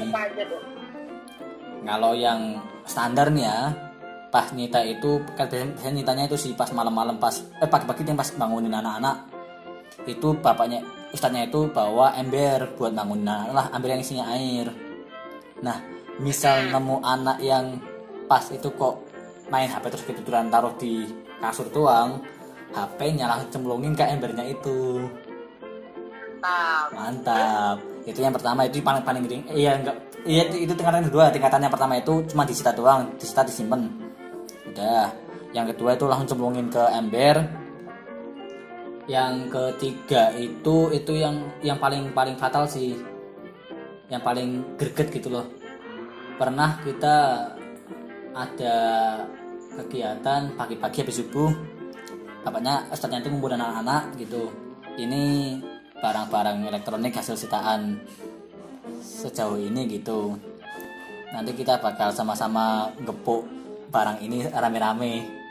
Jadi bapaknya ustadznya itu ngambil kan ditaruh plastik kan taruh plastik terus dilapisi pakai sajadah beliau ngambil batu terus anak-anak panggilin satu-satu. Ini gepuk tiap anak gepuk gitu. Hmm. itu a- itu asik cuma asik asik banget. Kita melihat penderitaan teman-temannya HP-nya kesita gitu kan. Terus HP-mu yang kesita itu diapain? nah HP saya itu masuk ke kelas pertama yang cuma disita doang. Cuman pas saya mau minta pas saya mau minta lagi pas sudah lulus kan saya bilang kan pak mau minta dong pak gitu.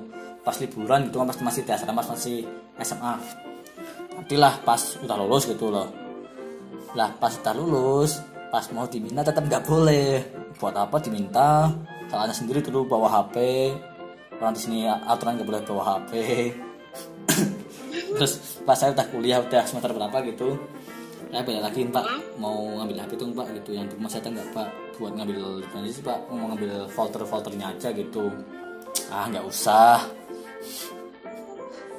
kayaknya itu HP-nya ya sebenarnya masih ada cuman nggak diapa-apain nah Iya. pernah juga ini biadab-biadabnya anak asrama sih ya pas ustadznya itu nggak ada di pondok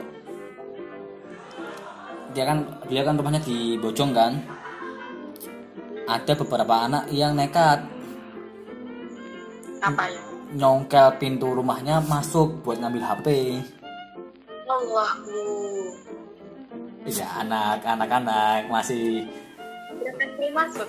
masuk keambil ada yang ada yang ada yang sampai ngambil, ada yang ngambil HP-nya ada yang cuma ngambil nomor HP-nya ada yang ngambil cuma memory card-nya tergantung sih Nyongkel tapi loh. Well, Nyongkel kalian? profesional melatih profesional sebelum terjun ke dunia dunia luar ya itu cuma cuma sama asrama itu itu berkesan banget sih melatih kita manjat manjat pagar saya manjat pagar belajar dari Sirafuddin manjat pagar manjat tingkat pakai spray Mantap. Pakai spray. jadi kita chat anak-anak yang masih masih bangun kan malam-malam kan biasanya kan malam-malam kita habis apa habis keluar nonton apa gitu. Entah nonton pertunjukan di Cetayu pas ada hari nonton kota dan sebagainya gitu. Kita pernah malam-malam kita chat eh masih ada bangun nggak nih? gitu. Nah kalau ada yang bangun tolong itu dong siapin spray dong gitu. Jadi spray anak-anak yang masih di kasur itu dilepas semua buat bantuin kita yang di bawah buat naik Mantap. sih karena Tapi naiknya kalian tuh maksudnya kalian yang naik eh, apa ya? Masa manjat spray sih? Ya Manjat spray? atau spraynya ditarik. manjat spray Mantap. Atlet ya. Iya. Panjat pinang pasti menang. oh bukan main nah pernah itu ah saya ngomongin selebgram lagi tapi selebgram itu emang emang layak diomongin sih kan biasanya kadang ada yang anak-anaknya itu udah nyiapin spray yang udah diikat semua. Ada juga yang ngasih spray mentahan gitu loh. Belum diikat. Jadi kita yang ngikat. Nah pernah kita yang ngikat. Kata Srifuddin Sril Sril itu udah kenceng kok. Aman aman aman aman. Nah saya dijadikan sebagai orang pertama yang naik. Eh ternyata sambungannya belum kenceng. Di tengah perjalanan saya jatuh lah 2 meter gitu. Wow, lumayan lah. 2 meter lebih 2, meter enggak tinggi 2 meter lebih kayaknya.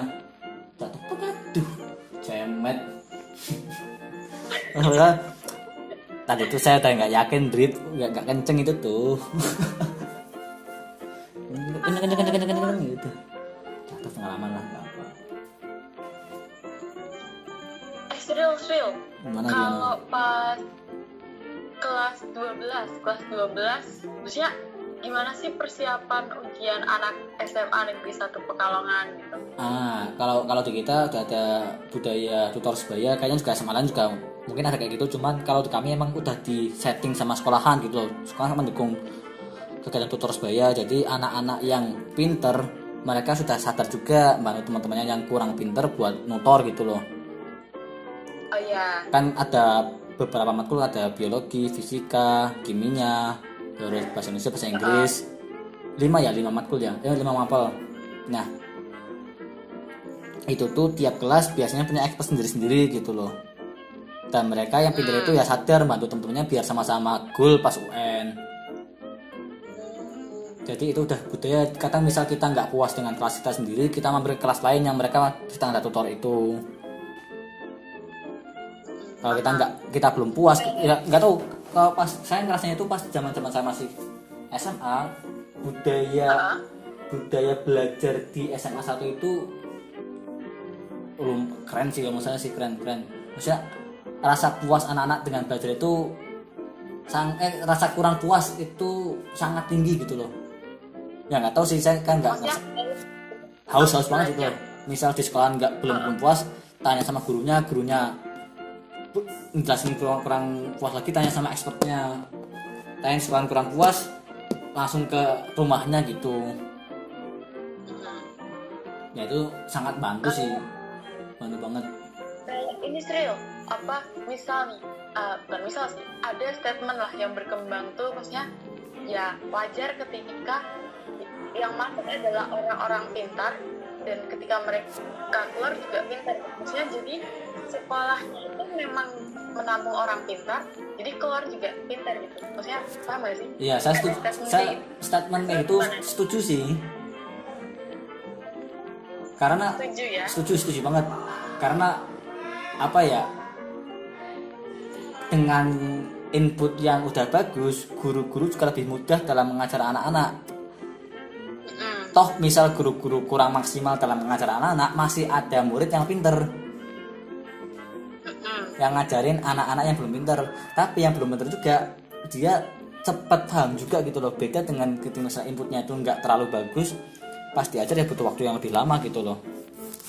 Apa ya, ya saya ngerasa kenapa dulu pas pas ya pas sebelum ada masa ma- pas ada sebelum ada apa namanya aturan yang zonasi itu SMA 1 masih yang paling bagus ya karena inputnya bagus-bagus semua gitu loh. Jadi orang anak-anak juga terpacu buat belajar kemudian budaya lingkungan di sana juga mendukung buat seperti itu guru-guru mendukung kepala sekolah mendukung lingkungan mendukung bahkan sampai apa namanya penjual-penjual juga nggak tahu lah tahu apa yang dibutuhin sama anak-anak gitu lingkungannya harus seperti apa yaitu kita ekosistem prestatif di sekolah gitu loh pas zaman itu.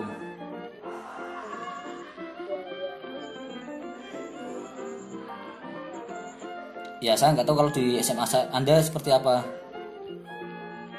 Kalau di SMA saya jadi satu hal yang paling saya senangi itu ada guru yang kemudian menjelaskan gitu. Maksudnya untuk bukan menyenangkan hati aja ya tapi ya itu adalah fakta. Karena gitu saya gini ketika ada sekolah bagus anak-anak pintar masuk dan mereka keluar itu berprestasi itu adalah hal yang sangat biasa, biasa aja. ya ya sedangkan kalau kan kamu semamsa real kalau aku kan semamsa kan mupi kan. Kalau kata guru aku namanya Bu Hikmah guru matematika gitu sekolah kita itu adalah bengkel. Jadi tugas sekolah adalah membenarkan apa-apa yang perlu di eh, eh, diperbaiki. Sehingga mau masuk itu keadaannya dalam kondisi apa pun keluar pasti akan baik. Gitu kalau kata guru aku. Iya. Di kami sih seperti itu. Dan nggak apa ya memang dibebaskan sih macam-macam. Aturannya juga aturan yang sederhana aja. Terus karena sekolah Muhammadiyah juga jadi lebih fokus juga ke akhlak. Kayak gitu gitu sama kalau slogan sekolah aku tuh sekolah kreatif. Jadi emang yang dikembangkan itu adalah Ah. minat bakat siswanya gitu loh. Iya iya iya iya. dia minatnya ke pelajaran belajar gitu. Ya dia biasa langganan paralel segala macam ranking kalau dia yang ke musik ada yang ngeband ada yang main kendang bahkan ada yang ya ikutan apa tampil perform kendang yang kayak apa sih namanya? Yang dangdut gedean gitu loh. Iya iya iya karena iya, dia iya. emang suka main itu ada yang gamelan ada yang segala macam ada yang tarik kayak gitu sih kalau di kami. Jadi itulah.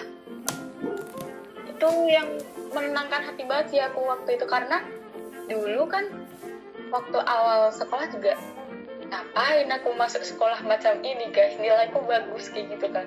Tapi karena orang tua yang ngebayarin sekolah itu bilangnya kamu masuk sini ya udah aku masuk gitu kan. Iya iya iya iya. Mindernya teman-teman kota tuh ya kayak sekolahnya Asril terus juga SMA 3 kayak gitu Iya. tapi karena ingat pesan itu ya oh iya benar mereka itu biasa Iya, ya hampir sama kayak dulu pas saya masih SMP. SMP saya kan SMP yang biasa-biasa aja. Pas kita lomba, lomba ketemu sama SMP lain, ya SMP SMP 1, SMP 2, itu kita minder, minder banget sumpah. SMP 1, SMP 2, SMP Islam, SMP Pius, wih minder kita. Minder banget. Lihat-lihat mereka belajarnya pakai laptop gitu kan pas-pas nyiapin materi buat sebelum lombanya, sebelum ngerjain soal pakai laptop, pakai HP gitu. kayak kelihatan banget ya Iya ya kita pakai kertas, pakai buku catatan kayak wah nggak keren banget lah. Nah cuman dengan seperti itu pas kita bisa ngalahin mereka kita lebih puas gitu loh. benar banget Kita ya guru juga puas gitu loh. Guru guru yang latih kita juga puas karena loh SMP kita aja bisa menang lawan mereka gitu loh dengan persiapan yang nggak Biasa. mungkin ya nggak se persiapan kayak mereka lah. Nggak sejak mereka cuman kita bisa lebih dari mereka itu sebuah kebanggaan sendiri gitu loh apalagi ya kayak dulu pas saya pas saya yang IPS itu yang rumah IPS saya ngerasa puas banget itu loh lihat SMP lain yang katanya bagus. Malah dulu ya nggak tahu mungkin karena persiapannya emang emang lebih mateng sih ya saya malah pede gitu loh pede banget pas pas sesi pertanyaan lisan. Kan ada pertanyaan lisan kan setelah setelah pertanyaan yang tertulis misal pas kan ada yang sesi rebutan biasalah soal wajib rebutan sama giliran gitu. Nah dulu pas saya lomba itu saya masih inget saya nyemeh sih. Pas sesi soalnya misal nggak jawab misal ada SMA lain nggak bisa jawab terus dilempar ke sebelahnya saya kadang nyemeh kayak gini ah lama nih jawabnya nih lempar lah nyeletuk kayak gitu. Iya nah untungnya juri nggak nggak menegur maksudnya biasa lah gitu malah ketawa-ketawa. Ya kan bikin bikin lah bikin lumayan lah. kalian kan? Nurunin nurunin apa ya? Iya. Mental mereka kan sekolah bagus di EC sama sekolah biasa gitu loh. Strategi strategi. Dan seru ya sih? Iya saya lama nih lempar lempar karena saya tahu jawabannya. Heeh. cuma kan buat kalau sekolah nggak tahu? Iya kalau tahu ya nggak mungkin kayak gitu ya. Misalnya buat sekolah yang unggulan di EC kayak gitu sama sekolah yang non unggulan kan pasti down dong. Iyalah. Nah, ya itu kepuasannya ketika kita masuk di sekolah yang biasa terus kita bisa ngalahin yang mereka yang udah bagus itu kepuasan sendiri. Ya kayak pas dulu pas SMA ya mungkin ya hal biasa emang emang hal biasa sih. mungkin kayak gitu. Iya. Em, terus nih dari SMA terus masuk perjalanan ke kuliah. Ini aku izin agak cepetin ya. Ya. Ternyata kita udah ngobrol satu jam 34 menit. Ya semoga kerekod jelas lah. Semoga jangan terulang lagi yang dulu-dulu. Ah, nah, waktu masuk kuliah nih, ya, karena tadi kita tahu Adrel tuh setiap mau masuk ke mana punya harapan apa di sana gitu kan. Nah, harapan apa sih yang Adrel bawa dari SMA Semansa gitu ke IPB? Iya dulu sudah nggak terlalu berharap sih. Sekarang saya daftar IPB juga nembak aja kan. Maksudnya nggak terlalu yang wah begini IPB nih, begini IPB nih, jurusan ini nih. Nggak, cuman ya ini sepi. Kan kalau SMA 2 SMA saya SMA 1 itu yang mau daftar SNMPTN itu didata sama orang BK gitu loh. Jadi sebisa mungkin nggak ada yang salip-salipan di jurusan sama di kampus yang sama Jadi diatur ya diatur Ah, gitu. jadi misal kita mau nembak nih daftar ini kok nilai kita lebih bagus dari daripada teman kita? Ya kita ngomong dulu sama teman yang kita yang mau tembak yang mau disalip itu mau eh berkenan apa enggak? Misalnya saya daftar juga gitu loh barangkali ntar kita dua-duanya lolos juga atau gimana lah. Kayak gitu. Jadi ya nah saya lihat kok IPB nggak ada yang daftar. Nggak ada yang daftar di jurusan itu gitu loh. Di SMA saya ya udah saya tembak aja kok lolos. Ya udah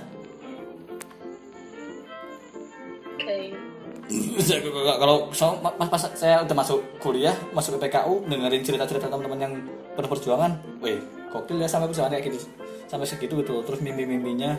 Nggak tahu saya kok nggak nggak kayak gitu. Iya.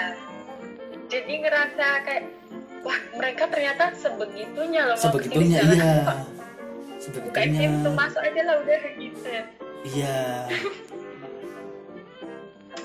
iya iya iya iya iya. Terus selama di kampus aktifnya di mana aja Trill? nah selama di kampus kan dulu pas PPKU saya pernah ikut berkuda pernah ikut berkuda. Mm-mm. terus apa lagi ya? Kayaknya dulu PPKU berkuda sama ikut itu aja sih. Magang apa nama istimewa oh iya. Iya. magang bem. Magang BEM dari magang istimewa. Saya belajar jualan danusan. Dari situ saya Iya, akhirnya bisa BEM. jualan bisa jualan sendiri. Saya akhirnya jualan gorengan. Alhamdulillah itu cukup menghidupi selama saya setahun di PPKU sama. Iya. Ya Wan. Ya kan kalau anak-anak kan biasanya kan kalau ngambil untung kan paling cuman 500 paling tinggi 700 misal gorengan lah. Nah saya ambil untung 1000 mantap karena kayaknya cuman cuman saya yang jualan itu di PPKU jalannya apa? Jualannya tahu isi cuman saya kasih nama. Apa tuh? Tahu siliwangi. Keren. terus ada ada juga saya jualan risol. Itu padahal ngambil depan kampus cuman kan jualan risol teman-teman saya nggak ada yang tahu kalau di situ ada yang jualan risol. Saya jualan risol saya kasih nama juga biar nggak kayak nama-namanya pasaran di di grup lain angkatan. Namanya kan risol mayo risol sosis dan sebagainya gitu kan. Saya risolnya itu risol yang isi mie. Saya kasih nama risol bolo.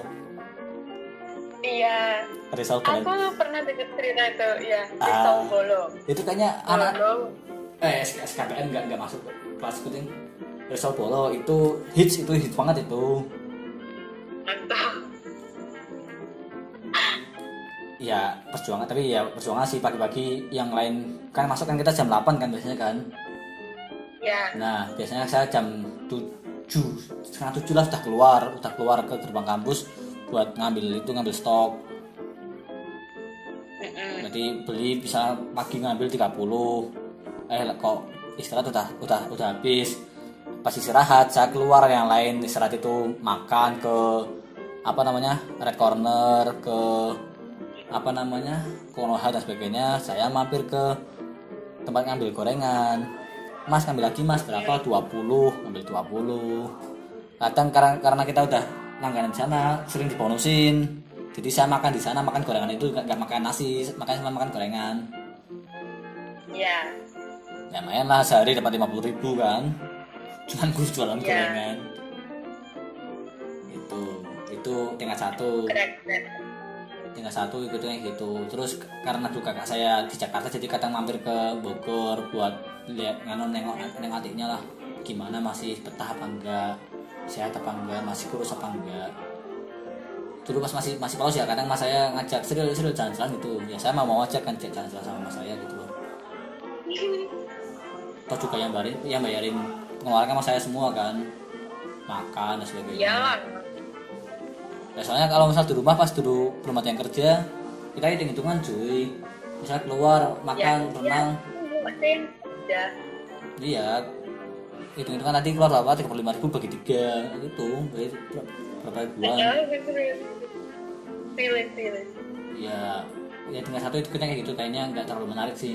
Lomba juga nggak ada, kayaknya saya nggak pernah ikut lomba. Nah, cuman saya Tingkat dua, dua, dua. Iya, cuman pas di PPK saya udah kenal GCI, jadi ada aktivitas di luar kampus yaitu GCI.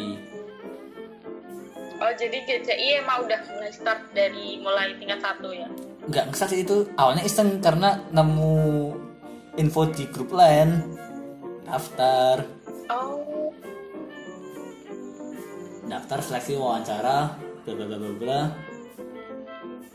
Katanya menarik tuh, seru pas saya tanya-tanya katanya pas udah udah lama di GCI lah.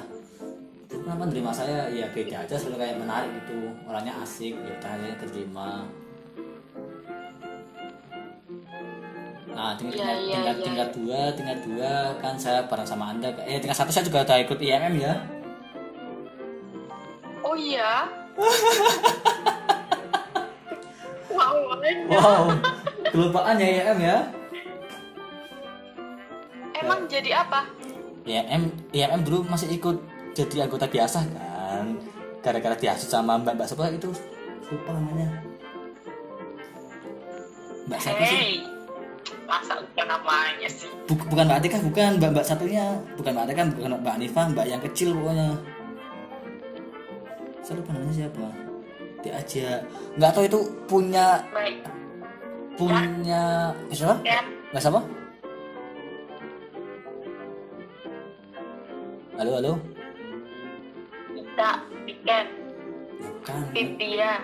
Nggak tahu Mbak siapa. Halo. Lupa saya, lupa namanya.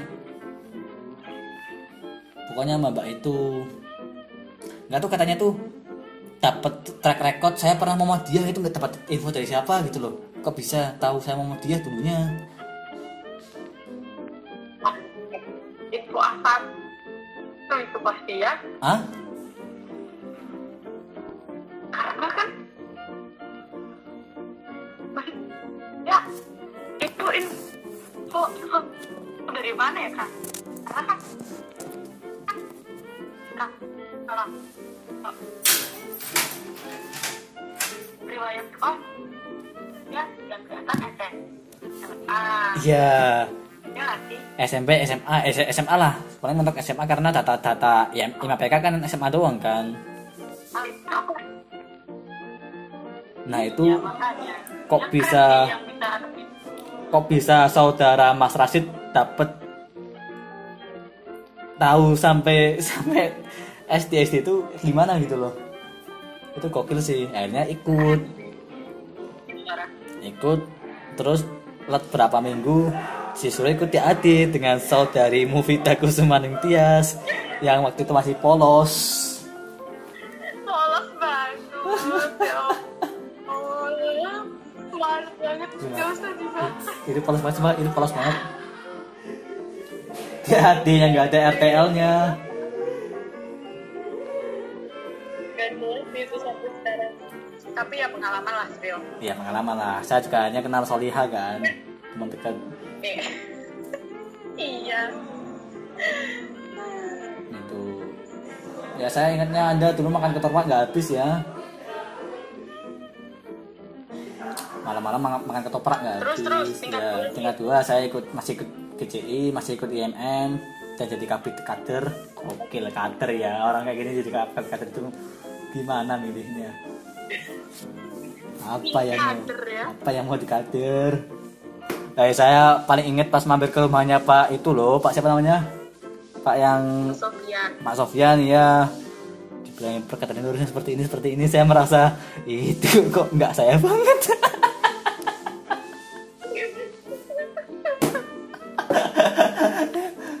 beban coba pas-pas di rumah Pak Sofyan bahas-bahas perkataan itu aduh pas yang lain lah. Ada saran anda kok. Banyak diamnya. Ternyata tertekan. Tertekan cuy. Sumpah tertekan banget. Kan Pak Sofyan orangnya serius banget kan? Parah. Parah. Ngomongnya sangat berkader lah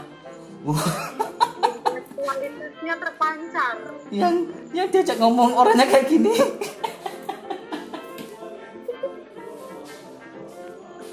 Nah kayak gitu. Aduh. IMM masih join GCI masih join. Terus ikut BMKM gara-gara itu juga BMKM ngajak anda kan? Move BMKM move? Iya aku inget banget itu Tifa Perta ya serius. Iya. Aku inget banget Ima Hatan itu kayaknya masih masih masih itu nggak sih? Masih persiapan genus nggak sih?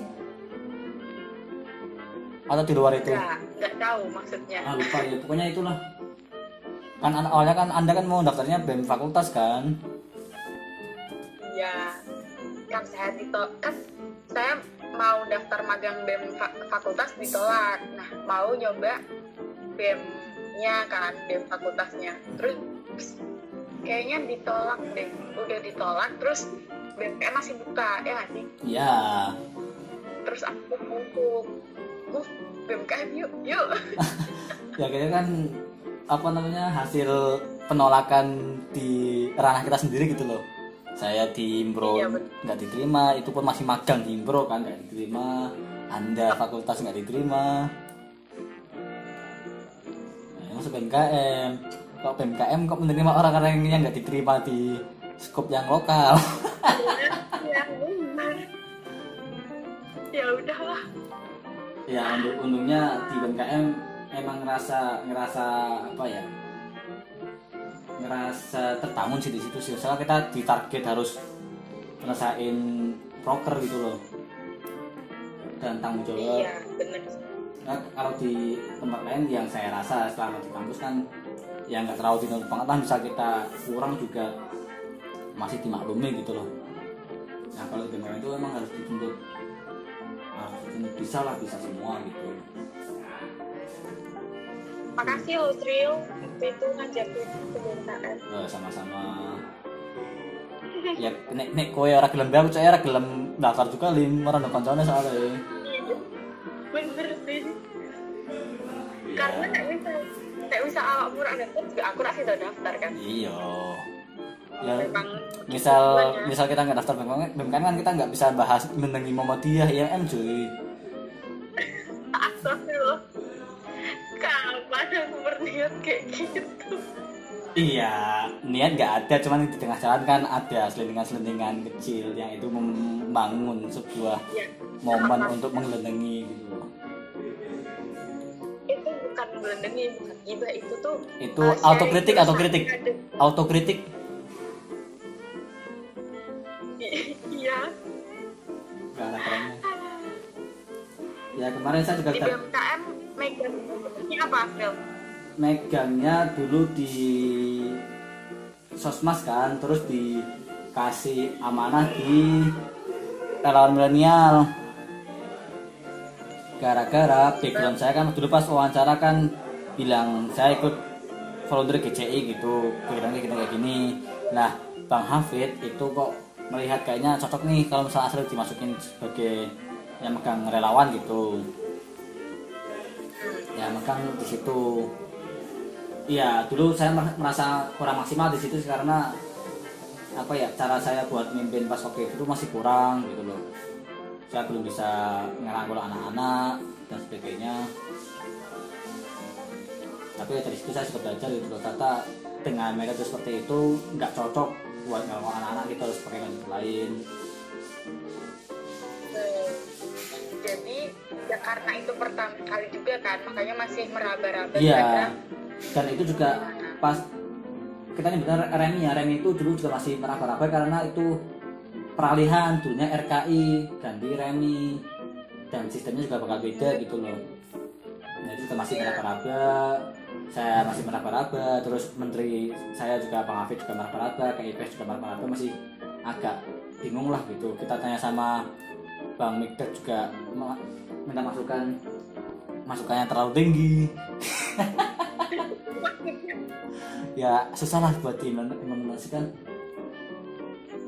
Eh, maksudnya ya paham paham. Maksudnya ya masih yang- harapannya tinggi lah gitu loh buat Remi itu. Nah alhamdulillahnya pas periode setelah saya kan mereka juga konsultasi ke kita kan biasa kan mertamu lah uh, pengurus baru ke kita gitu.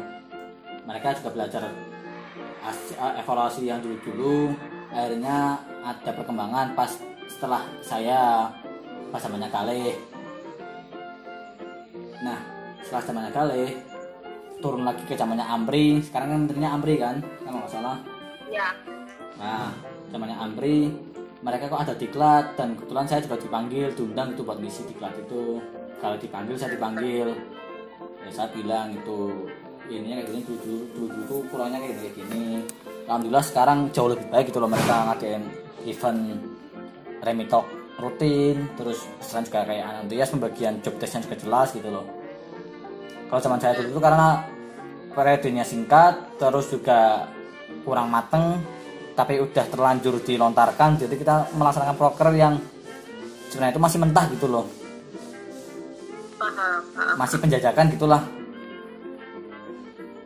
Kayak nyari latar belakangnya nyari tinjauan pustakanya itu kayak gimana gitu masih susah nah kalau alhamdulillah pas gimana gimana? tingkat kalau pas tingkat 3 sama 4 Astral kan kayaknya itu ya eh, lebih banyak terjun ke GCI apalagi kan GCI juga jadi itu kan apa namanya? Apa sih direktur. Yayasan ah direktur ya direktur BCI di yayasan nah, itu sepanjang kita kalau ngobrolin masa kampus nih sepanjang dari Asril eh, tinggal satu sampai yang sekarang nih yang sekarang Asril ngomong sama aku itu apa sih em, nilai yang paling berharga? Apalagi dari pengalaman-pengalaman organisasi pengalaman memimpin melakukan gerakan kerelawanan gitu. Ah, ya selama masa, masa kampus sih yang saya rasa itu kita banyak belajar hal yang baru gitu loh yang pas kita belajar itu kita nggak menyadari kalau itu proses belajar gitu loh. Paham nggak? Oke. Kita belajar dari proses yang kita nggak menyadari bahwa itu adalah proses belajar. Ya padahal kita sebenarnya berproses. Ah, ah. padahal kita di jalan itu gitu loh. Tapi kita merasa kayak saya belajar apa sih? Baru pas di akhir kita baru merasakan oh pas dulu tuh saya itu masih proses belajar gitu. Itu banyak sih kayak belajar dari kesalahan pas masih ikut IMM masih ikut kayak terkuda dulu dan sebagainya. Iya kalau misal kayak gitu kan pilihan kan misal kayak ikut BMKM ikut lainnya itu pilihan gimana kita menentukan pilihan dengan cepat ngambil keputusan dan sebagainya. Itu kita belajar banyak nilainya kayak gitu. Apalagi pas di BMKM kita dituntut untuk berpikir cepat kita dituntut untuk sesuai target. Itu sangat-sangat membantu sih. Soalnya saya termasuk orang yang susah buat ngambil keputusan dengan cepat. Oke. Cuman saya misal dapat kasus kayak gitu saya langsung ingat teman saya pas SMA namanya Novel Alatas dia dulu ketua osis dan saya melihat dia keren banget dulu pas zaman itu. Sampai sekarang masih keren sih. Dia kalau mikir itu cepat misalnya ngambil keputusan cepat pokoknya ambil aja dulu ntar masalah. Setelah itu mesti bakal ada solusi gitu loh nah saya sampai momen saat ini juga masih belajar seperti itu. Kadang kalau misalnya mau mikir masih lama gitu loh.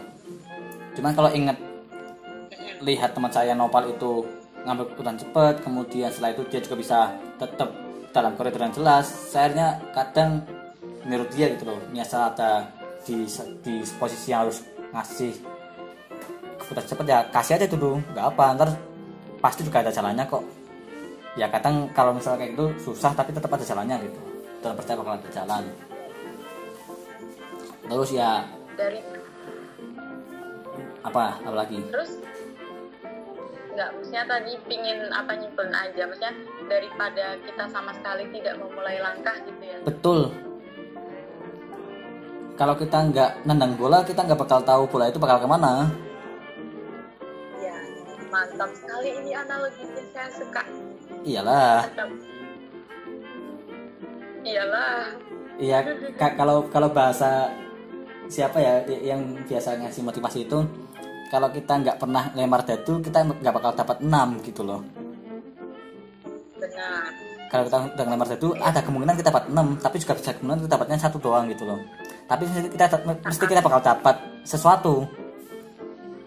Ya ya kalau misalnya kita lempar satu satu satu satu, enam kali kan dapat 6 juga kan?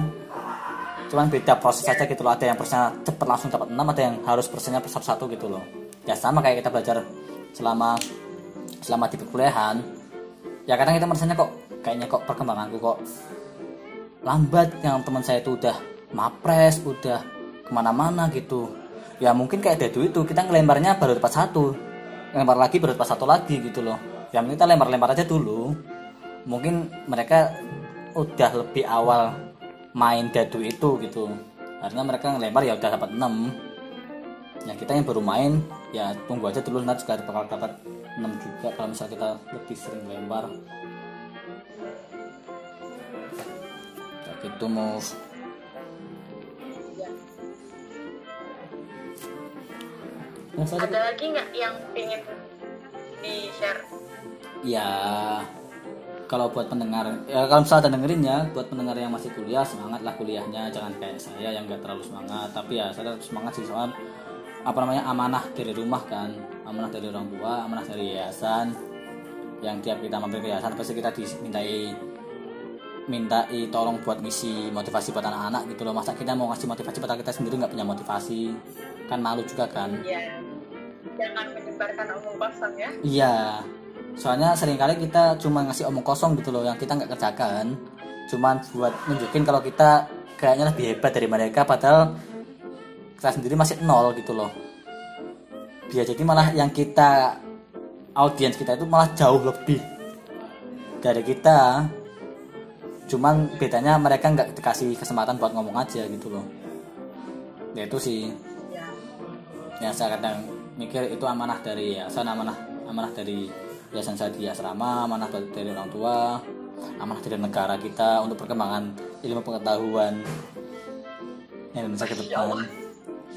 Untuk rakyat-rakyat kita ke depan mereka butuh makan mereka butuh pertanian. Ah sangat bijak sekali lah. Hidup, dong dengan hidup. Ah, enggak dong. Ya saya tiap teriak itu mahasiswa itu kayak apa sih? ya coba saya, saya misal misal eh, teriak-teriak pas jargon-jargon itu mahasiswa itu kayak apa sih?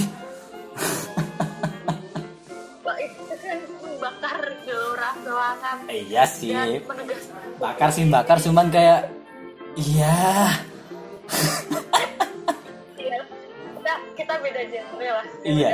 udah lah Iya mungkin saya Itu- saya termasuk orang-orang yang nggak terlalu tertarik dengan hal-hal yang kayak gitu gitu loh lebih yang praktis aja lah.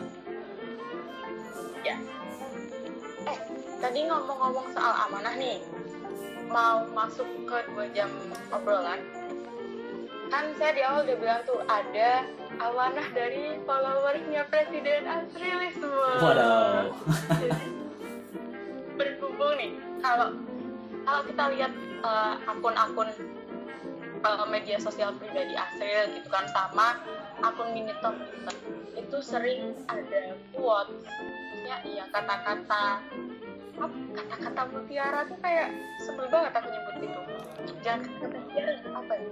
Yang kutipan-kutipan dari orang-orang yang keren atau dari curahan-curahan perasaannya Asril dan kalau dilihat tarik ke belakang nih dari cerita yang Asril dari zaman TK ya kan? Yang udah jadi didik gemoy kebanggaan tante-tante bapak maksudnya gitu ya. Itu kan berarti selain apa ya selain kepribadian yang selengean terus juga selain otak yang sebenarnya pintar itu Amin, kan amin, amin, ada amin. bakat lain nih yang ya ya nggak sih Ya semoga lah ya.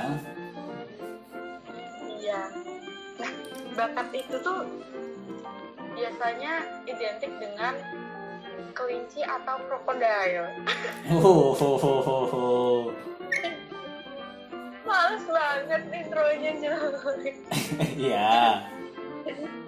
Cuma ada dua pertanyaan sih dari follower Asril Presiden Asril semua. Jadi pertama gini nih, ini udah kayak konsultasi cinta ya BTW bocoran. Ah, pusing deh. Ya saya soalnya juga sering-sering konsultasi asmara sih ke rumah Kak Ikrom. berarti tepat dong jadi Asrul tuh opinion leader hasil konsultasi dengan Kak Ikrom ya nggak? Iya enggak ada juga mantap sih. kita share nah gini Sril. Misal bukan misal. Jadi ada em, kan kita Asrul kan anak gede nih. Udah berapa tahun sekarang? Iya menjelang 23 lah. udah dewasa. Oh, lumayan. Ada misalnya hubungan-hubungan romantis atau hubungan-hubungan interpersonal dengan lawan jenis gitu Iya. sebutlah apa pacaran astagfirullahaladzim pacaran itu Pacaran itu warnanya oranye. Kalau lebih lama, kalau lebih lama warnanya coklat tua. bener itu harus itu dulu apa ditumbuk dulu. Iya ditunggu sampai kering gitu kan.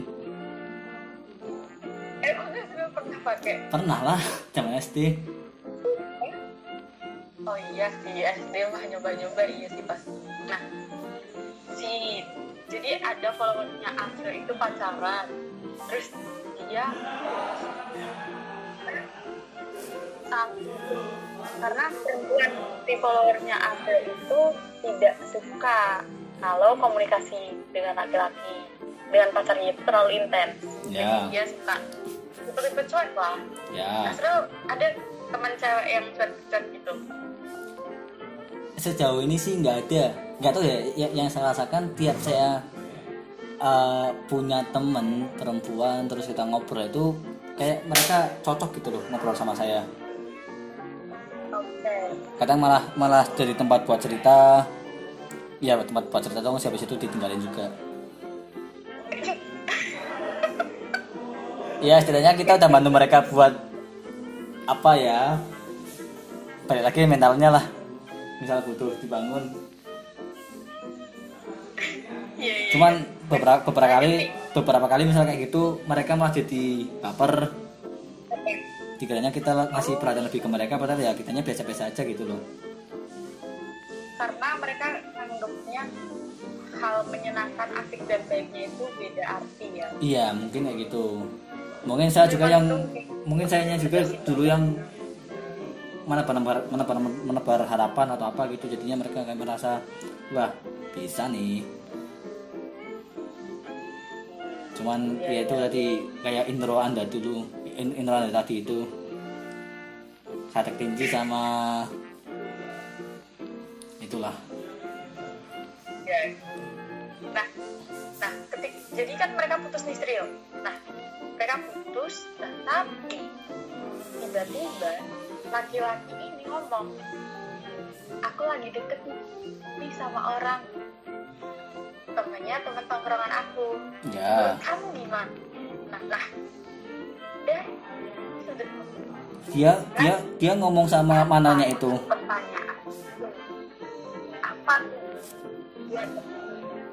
Eh suara anda putus-putus. Cowoknya. Ah ya ya ya ya paham paham paham. Ah, coba saya rangkum ya. Tadi berarti ada temen nih temen cewek yang deket sama cowok pacaran gitulah. Cuman yang cewek ini cek cek suaranya masuk nggak? Gimana tuh? Masuk nggak suaranya? Cek cek suaranya masuk. Halo halo. Jelas nggak cuy? Ah tak rang- tak tak rangkum ya. Tadi ya teman anda perempuan nih yang pakai teman anda yang pakai kacamata ini tanya sama anda. Masuk ya teman anda yang kacamata yang berkacamata ini tanya sama anda. Follower. Ya fol- follower follower asrelisme lah. Itu deket sama cowok pacaran cuman si cewek ini nggak suka komunikasi yang terlalu intens karena mungkin nggak suka lah lebih tipe yang cuek yang ngobrol paling hal yang penting aja. Nah akhirnya dengan komunikasi yang kurang baik itu mereka putus.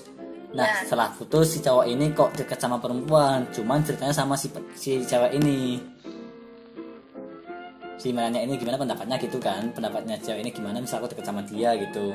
Kayak gitu nggak sih?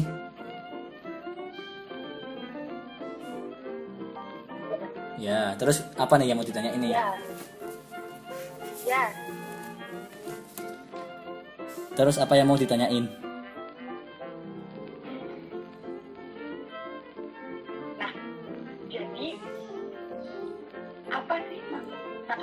oh apa motivasi cowok itu kok tanya sama si manannya ini gitu bu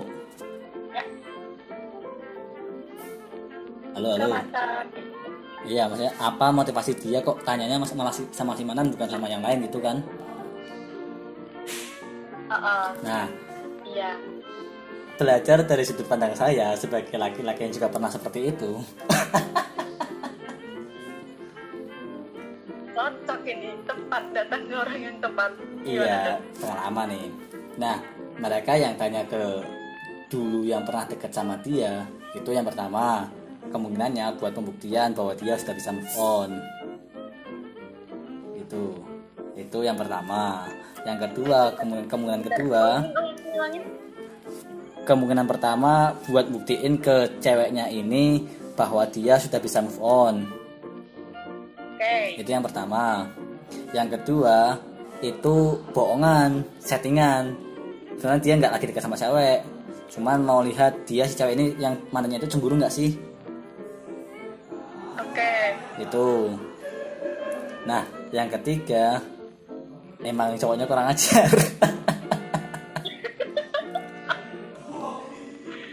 Wah, kurang ajar. Emang kurang ajar sih pertanyaannya ngapain ya? Iya maksudnya Ah, ada-ada. iya sih maksudnya apa ya? Ya itu sih antara tiga itu. Yang pertama itu buat mungkin bahwa dia tuh move on padahal sebenarnya dia juga belum move on.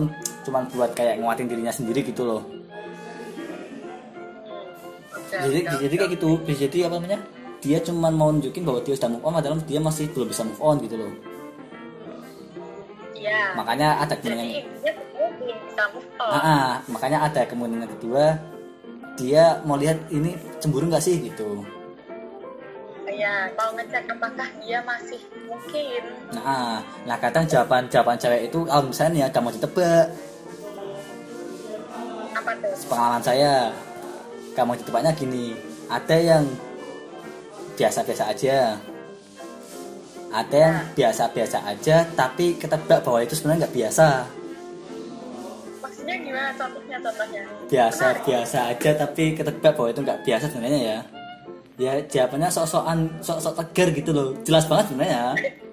Jelas banget mau sumpah jelas banget kayak gitu tuh. Iya. sosokan Terus, sosokan biasa aja terus ngasih ngasih ngasih selamat atau ngasih ya harus kayak gini kayak gini. Ah! Bilang aja sebenarnya masih ada perasaan juga ya itu kan hasil pengalaman hasil saya banyak ngambil data primer kan. Mantap. ya nggak ya kadang data sekunder juga sih kadang data sekunder dari teman cerita gitu. Ya gitu. Nanti yang yang poin yang ketiga yang yang tiga poin itu yang pertama itu buat buktiin bahwa dia udah bisa move on yang kedua itu dia pengen lihat bahwa dia masih cemburu apa enggak. Yang ketiga emang kurang ajar. Iya. Oke. ya Nah, ya terus? Terus nih. Ada pertanyaan lagi dari followers Asrilisme baru nih. ya Jadi pertanyaannya begini. Aduh, saya katakan dulu ya, saya lupa.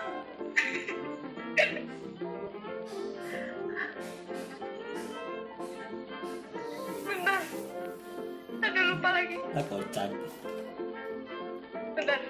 Aku... Nih.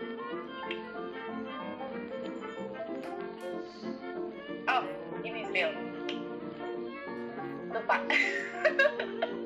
Ngobrol yang lain dulu aja deh nggak? Pesan-pesan yang mau Asrul sampaikan mungkin tips menghadapi orang-orang seperti enggak seperti Asrul enggak salah. Seperti si cowok yang tadi.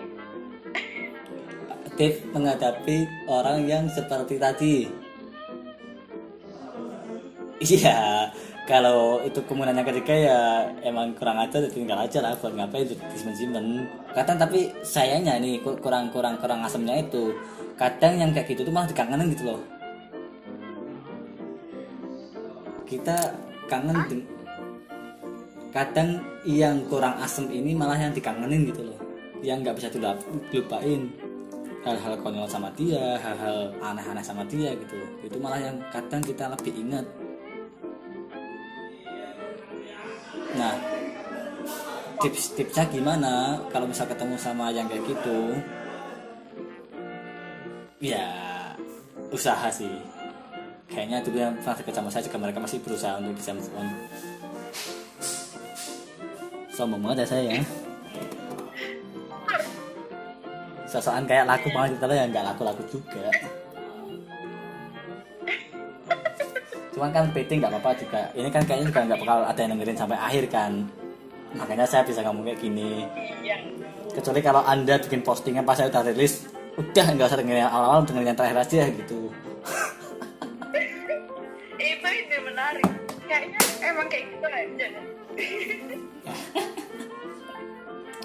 eh ini udah udah. Ada di catatannya udah ketemu nih. Pertanyaan yang kedua dari followers baru nih jadi gini karena cewek juga ya yang nanya ya. Ada apa sih? Atau kenapa sih? Apa motivasi? Um, cowok-cowok itu ibaratnya gimana ya? Dia memegang tangan satu cewek ya tapi dia juga manis kepada banyak cewek. Oh ya ya ya ya paham paham. seorang wanita itu ingin memiliki satu perempuan tapi dia juga mengambil peluang untuk perempuan lain datang ke hidupnya. Nah ya kita belajar lagi belajar dari pengalaman ya. Ya ya mari kita belajar dari pengalaman. Ya untung narasumbernya cowok jadi bisa ngasih sudut pandang dari si cowok kan ya mungkin beda mungkin sama. Nih kalau dari sudut pandang saya kenapa mereka seperti itu? Karena mereka yang paling utama mereka nggak yakin dengan diri dia sendiri gitu loh. Jelas nggak? Kenapa dia udah megang satu tapi pengen megang yang lain? Karena dia nggak percaya diri dengan dirinya sendiri. Percaya diri dengan diri sendiri lah masa percaya diri sama dirinya orang lain. Dia nggak Iyalah, percaya iyalah. diri sama dirinya sendiri kenapa saya bilang seperti itu? Ya karena dia udah megang satu kok megang yang lain? Berarti kan dia nggak percaya bahwa dia sebenarnya bisa bisa apa ya? Bisa bakal diterima sama yang ini yang pertama ini. Paham nggak? Kenapa dia tetap megang? Kenapa dia tetap megang yang lain? Ya biar biar yang satu ini nggak goal masih ada cadangan nih pemain cadangan nih. Yang yang udah yang udah apa ya? Udah dapat intronya lah itu ibaratnya gini kalau misal kayaknya mungkin juga pernah pernah belajar ilmu ekonomi ya. Misal kita punya bisnis kita punya bisnis nih udah naik naik naik banget di titik puncak nanti dia bakal masuk ke fase penuaan yang itu bakal melandai ke bawah gitu loh. Nah sebelum melandai ke bawah ini kita harus punya usaha baru yang itu baru gitu loh. Nggak sama dengan yang dulu. Bukan malah kita nunggu ini udah selesai kita baru ngangkat yang baru nih bisnis baru baru, baru mulai itu lama. Dan kita udah nggak punya modal gitu loh. Kita udah nggak punya modal kita baru mulai ya kita bakal kalah sama pasar. Ya mungkin kayak gitu juga buat laki-laki yang dia udah megang satu tapi megang yang lain yaitu daripada daripada nunggu sampai ini trennya landainya udah mati baru mulai lagi berat mending jalan. Ini juga ada ada bisnis baru nih. Itu motivasinya itu Move. motivasinya karena nggak pede move takut takut dia nggak jadi- punya tempat lah. Dapat uh, takutnya gitu ya. Oke itu dari sudut pandang presiden Aslisma terus ada lagi nih pertanyaan masuk lagi nih. Wow. Wow. Keren ya Asri banyak yang ingin bertanya nah Iya. nih. ya bentuknya pendapat Asrul nih maksudnya analisis. Wow berat sekali bahasanya. Ya pandangan Asrul gitu. Kenapa sih ada eh, orang orang-orang tuh berhubungan lama tapi misal ada suatu apa ya satu titik entah itu masalah atau dan lain sebagainya dia kemudian menghilang dan tidak memberikan penjelasan apa pun kepada partnernya misalnya gitu. Itu pertanyaannya kenapa sih bisa seperti itu? Gitu? ya kenapa udah hubungan lama kok tiba-tiba berhenti tanpa ada info apa-apa gitu ya? Nah sama kayak gitu ini belajar dari pengalaman teman dan bukan pengalaman saya ya ya pengalaman saya semua kan gak enak kan terlihat saya sangat bucin sekali padahal enggak juga. Alhamdulillah nah mereka yang udah lama dekat terus tiba-tiba hilang itu faktor paling utamanya komunikasinya berarti nggak bagus. Mungkin di awal-awal di awal-awal komunikasinya bagus. Ya komunikasi komunikasi itu yang gimana sih? Ya bukan komunikasi bagus itu bukan yang kayak apa tanya kabar tiap hari lagi apa ini? Itu bukan kayak gitu. Tapi kita punya momen khusus ketika kita komunikasi itu kita bisa cerita apa aja. Gitu loh bisa misal tiap minggu tiap bulan. Ya kayak saya, saya cerita ya saya sekarang punya teman lah punya teman dekat lah. Ya kita nggak terlalu sering komunikasi juga cuman ya tiap kita punya momen buat komunikasi ya kita maksimalkan di situ gitu loh ya. Ya ya tahu ini semoga berlanjut ya. Alhamdulillah udah dua tahun kita komunikasi tetap jalan. Padahal kita cuma baru ketemu beberapa kali. Bukan beberapa kali sih, beberapa jam aja baru ketemunya. Cuman ya komunikasi masih jalan. Nah itu buat mereka yang apa namanya uh, udah lama terus tiba-tiba menghilang itu ya mungkin di tengah-tengah komunikasinya udah nggak bagus gitu loh awalnya bagus terus merasa bosen. Bosennya itu kok pas udah bosen bukannya cari apa ya cari solusi ini bosennya kenapa sih? Kok udah beda kayak dulu itu kenapa sih itu nah itu yang perlu digali. Kadang kan karena kita terlalu mendengan ego pas udah bosen nah kayaknya emang nggak cocok nih. Nah sebenarnya kita tuh bukan bukan mikirnya kayaknya udah nggak cocok jangan kayak gitu. Tapi kita mikirnya kok bisa kayak gini sih? Gitu paham nggak? Ya, ya. ah kadang kan paham. kadang kan kita mikirnya ah berarti kalau misal kita udah pisah berarti emang emang emang udah nggak cocok aja gitu. Tapi ya kalau misal kita mikirnya kok bisa kayak gini sih? gitu. Nah kita bakal penasaran kita nyari alasannya apa. Kecuali kecuali kalau misal pisah kok kita misal cewek-ceweknya udah tahu nih kok akhirnya pisah terus kita lihat si cowok itu kok ada gandengan baru ya berarti emang cowoknya yang kurang ajar kalau nih um, kalau misalnya pe- gimana ya berarti? Bentar deh aku nyari nyari kisah-kisah yang serupa.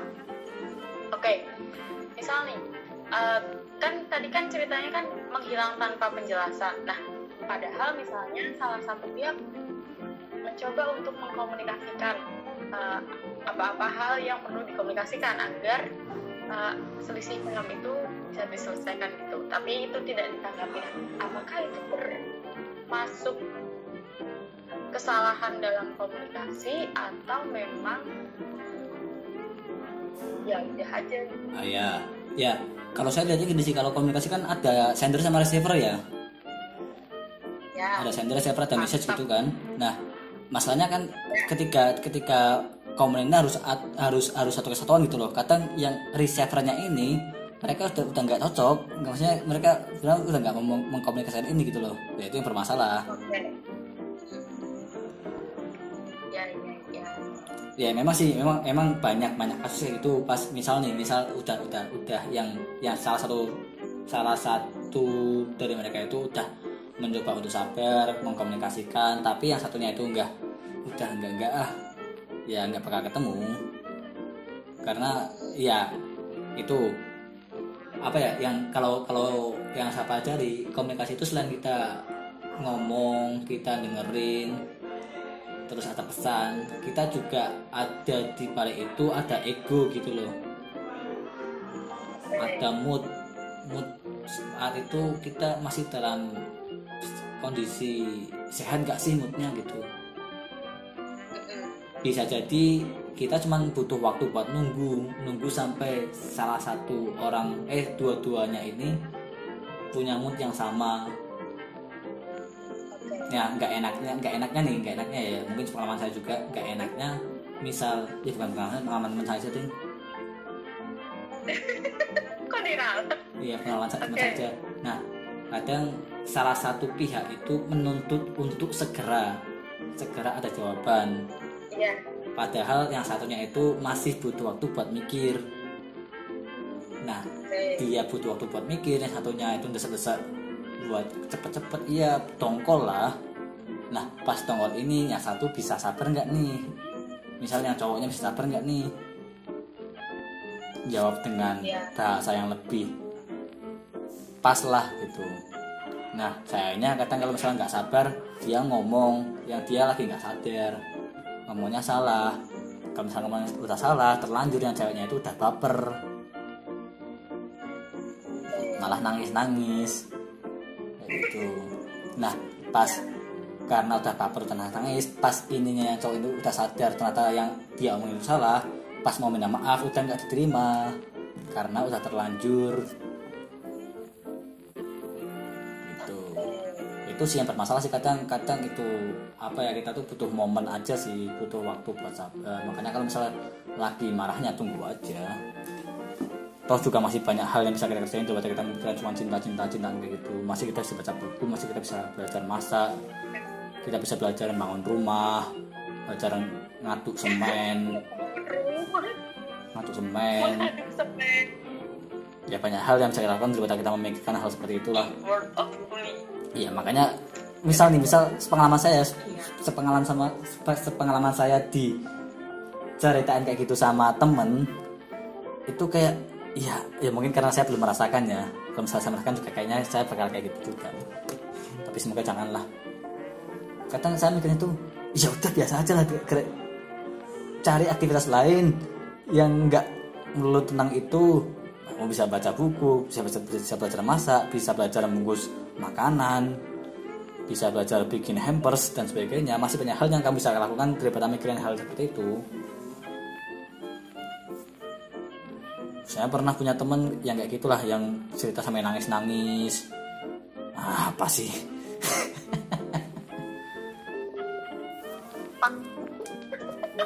Kayak gitu move ya nggak tahu sih. Anda belum pernah cerita sampai nangis nangis jadi saya nggak tahu ya tipe anda seperti apa. Saya punya aduh bentar. Masih menghubungkan.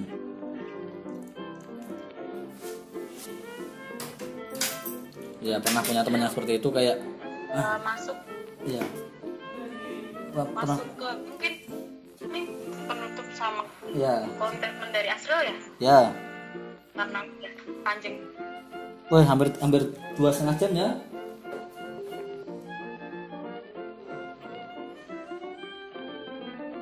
Wah, sinyal Anda udah gak beres ini. Eh, gimana gimana? udah udah ngantuk guys udah panas nih kayak juga Em, value value utama manusia tuh apa Asril terus apa sih yang Asril pegang selama ini yang bisa di sharing ke teman-teman yang lain? Ya, value utama manusia tetap ya. Yang pertama ya ibadah sama Tuhan gitu karena emang itu udah di ya kita di apa namanya diciptakan untuk beribadah gitu kan. Ya mungkin kita tahu sekolah swasta Muhammadiyah apalagi kan. Saya, kan negeri. Negeri kan identik dengan dengan non lah Lebih tahu yang pertama itu yang pertama ya sebenarnya gini kita di sini tuh apa ya lakukan dengan yang kita mampu lah yang kita bisa maksimal lah lakukan gitu. Toh kesempatan juga nggak bakal keulang misal keulang juga momennya nggak sama dan mungkin lakinya bakal berbeda gitu loh. Keberuntungan berbeda itu yang pertama. Eh yang itu yang kedua yang pertama, pertama itu ibadah yang kedua lakukan yang maksimal yang ketiga ya salah satu apa ya nilai yang saya pegang sampai sekarang itu jangan makan makanannya haram jangan curi itu dulu saya dikasih tahu sama guru saya pas masih di asrama Pak Imdad namanya. Saya masih ingat banget dulu Imdad bilangnya bilangnya gini karena kan dulu kan mas- pas masih di asrama kan kita kalau misalnya makan sarapan kan lauk itu disediakan di piring gitu loh ya Nah, kadang ada teman-teman itu yang iseng ngambil tempe punya temennya lain gitu loh. Jadinya yang tempe tempe itu makan cuma pakai lauk sayurnya aja, misal kayak toge atau apalah gitu. Kasihan lah. Nah, di situ ngasih ngasih ngasih ngasih apa namanya? ngasih nasihat gitu. Hal yang mendasar yang bikin kalian itu malas itu dosa. Salah satunya mencuri. Nah, kalau kita dosa kita mencuri makanan orang lain kita makan masuk ke tubuh kita jadi darah itu juga yang menghambat doa kita terkabul gitu loh itu ada misalnya kita mau belajar ada di hadis arba'in nomor 5 kalau nggak salah itu ada di situ diceritain ada seorang hamba dia pakainya haram makanannya haram dihidupkan dengan hal yang haram dia berdoa ya Robi Robi mana mungkin doanya bakal dikabulkan. Nah itu. Makanya sebisa mungkin yang nilai yang saya pegang sama sekarang jangan sampai kita ada yang melekat di tubuh kita itu hal yang haram gitu. Entah makanan kita pakaian kita dan sebagainya. Ya bahkan sampai sekarang saya kalau di rumah misal ke buka kulkas nih buka kulkas lihat ada makanan. Saya tanya dulu padahal di rumah sendiri sendiri nih ini punya siapa? Punya Iya. apakah punya Mas Amin Mas Sidik Mbak Mah Mas Dayat atau punya ponakan saya gitu. Saya tanya ini punya siapa gitu. Iya. khawatirnya saya makan kakak saya nggak ridho. Ya padahal pasti kakak saya ridho sih. Maunya makan adiknya sendiri cuman saya mastiin aja.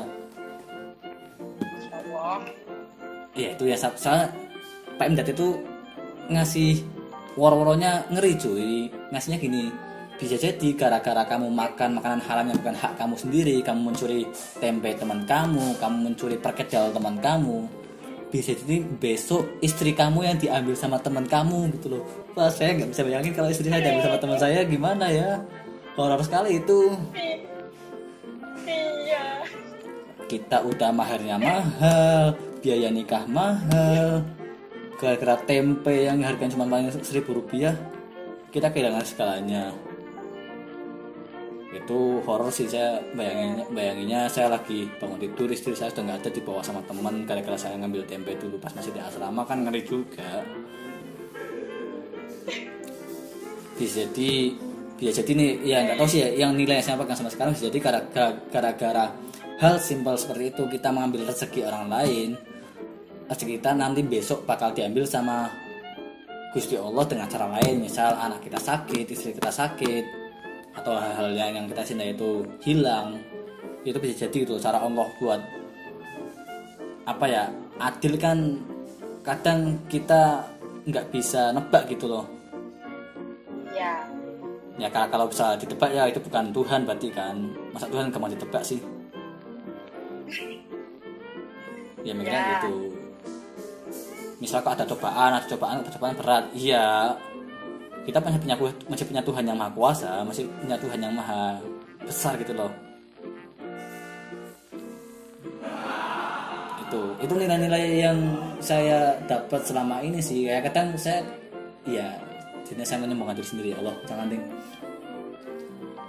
Nggak tahu ya. Saya saya kadang ya kadang seringnya nyemeh sih tapi dengan nyemeh itu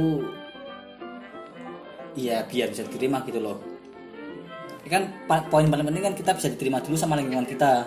Dengan kita bisa diterima sama lingkungan kita kita bisa mengaruhi mereka gitu loh. Kalau kita nggak pernah diterima sama lingkungan mereka kita nggak nggak bakal bisa masuk ke lingkungan mereka gitu loh. Nggak bisa masuk ke area mereka buat kita ngasih tahu atau apa gitu loh. Ya nggak apa kita menurunkan menurunkan posisi kita kelihatan kayak aneh kelihatan kayak wagu kelihatan kayak apa sih ini gitu? Tapi kalau kita nggak bisa apa ya nggak Ya. mau berkorban ya kita nggak bakal bisa dapat yang kita mau. Dapat dapat pengorbanan kayak pengorbanan misalnya kayak gitu misalnya kayak kelihatan kayak aneh kelihatan kayak wagu kayak apalah gitu. Ya tapi itu salah satu cara buat bisa masuk ke ranah mereka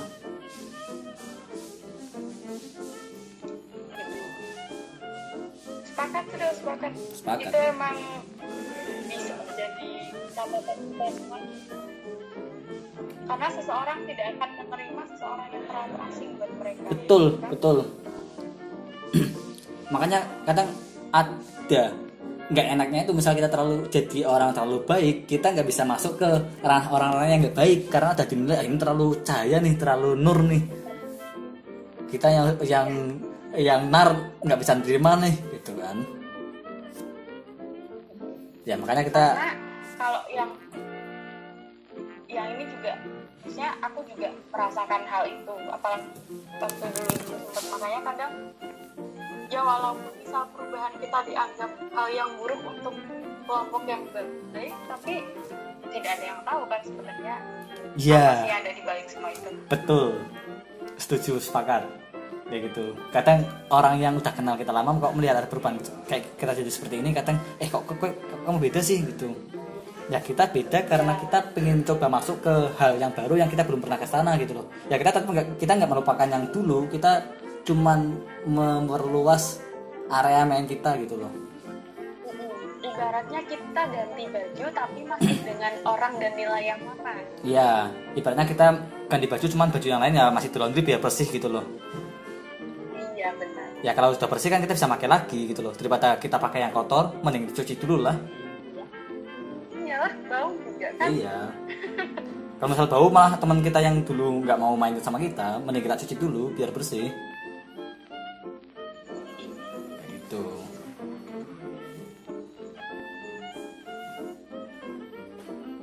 Mas saya kalau dari ngomong serius saya bisa ngomong serius ya. Bisa ngasih nilai-nilai yang kadang nggak terpikirkan juga. Wah, emang kan arah obrolan tuh biasanya kan gitu dari yang receh-receh-receh apa yang serius nih kalau dilanjutin biasanya kita bisa ngomongin konspirasi itu iya kalau kuburan Hitler itu ada di Garut still Iya. Kayaknya kita bi- bi- bisa bisa ngomong gitu. Isi selanjutnya kita bisa bahas tentang gimana tentang apa vonis Jaksa Pinangki tentang vonisnya menteri yang korupsi nggak jadi dihukum mati. Iya, kayak gitulah. sama-sama ya semoga kita masih punya waktu yang panjang lah untuk bisa saling ngobrol-ngobrol sharing-sharing bercanda-bercandaan Iya. barengan Amin amin amin amin. Ya terima kasih. Kalau dari aku nih nih ngomong-ngomong walaupun aku bilangnya aku terpaksa mewawancarai Asrul kok panjang juga ya keterpaksaan ini Iya, saya kan saya kan udah bilang orang yang bersama saya itu pasti merasa nyaman.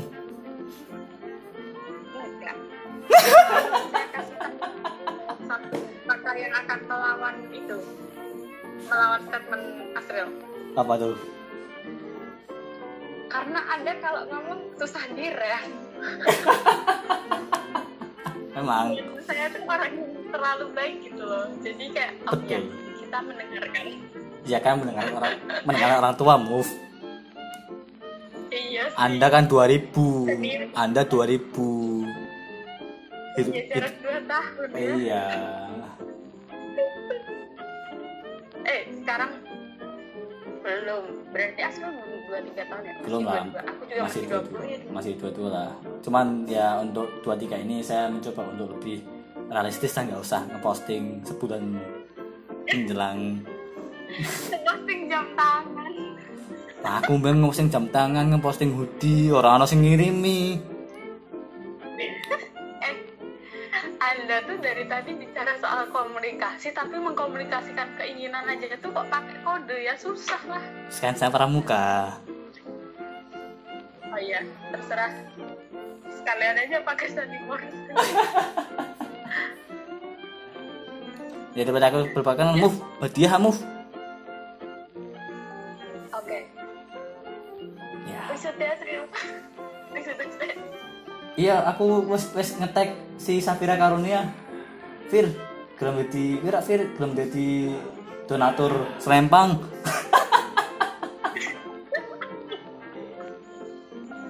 Sleman sidang terus Gelem. Mantap. Aku aku kayak kayak dulu donatur foto prawisuda ki. Sudah. Sidang be urung prawisuda ya Allah. Sok nemen lagi. Pelan-pelan lah. Lampung dulu, Bang. Eh, Lampung setelah urusan semua selesai semua ya sekali udah keluar baru ke Lampung sama ppkm udah selesai maksudnya aturannya udah, udah agak kalem lah saya malas ngurus-ngurus berkas soalnya berkas-berkas ppkm gituan males ribet mahal Jadi gitulah guys obrolan Pod mini talk. Apa sih gimana namanya? pot mini talks konten bicara bebas berfaedah Ini lebih banyak anfaedahnya. Terima kasih kalian yang sangat kami apresiasi kalau kalian nanti mendengarkan ini runtut tanpa skip dari awal sampai akhir. Terima kasih banyak. Iya semoga ini Hadiah bisa amin amin amin amin amin. Ya terima kasih Mufita yang sudah berkenan untuk mewawancarai saya. Kembali kasih. ya semoga nanti bisa saya upload pas di kampus karena ada wifi daripada saya pakai kota ini besar banget kayaknya. Dua jam lebih cuy. Parah ya terima kasih IPB terima kasih Kemendikbud. Terima kasih Pak Jokowi. Mantap. Anda ini dari tadi ya nggak apa-apa. Kita kan. bahas politik di luar. Ya saya kan pro Jokowi saya kan vaksin. Ya. saya kan pro anarki udahlah ya. Saya tutup lah ya terima kasih Mufida untuk waktunya. Semoga selalu diberi kemudahan kelancaran dalam menjalankan aktivitasnya Amin amin amin amin. Ya. Tutuplah. Assalamualaikum warahmatullahi wabarakatuh. Mantap mantap mantap gokil 2 jam 36 menit. Ini ibu Tutup ya.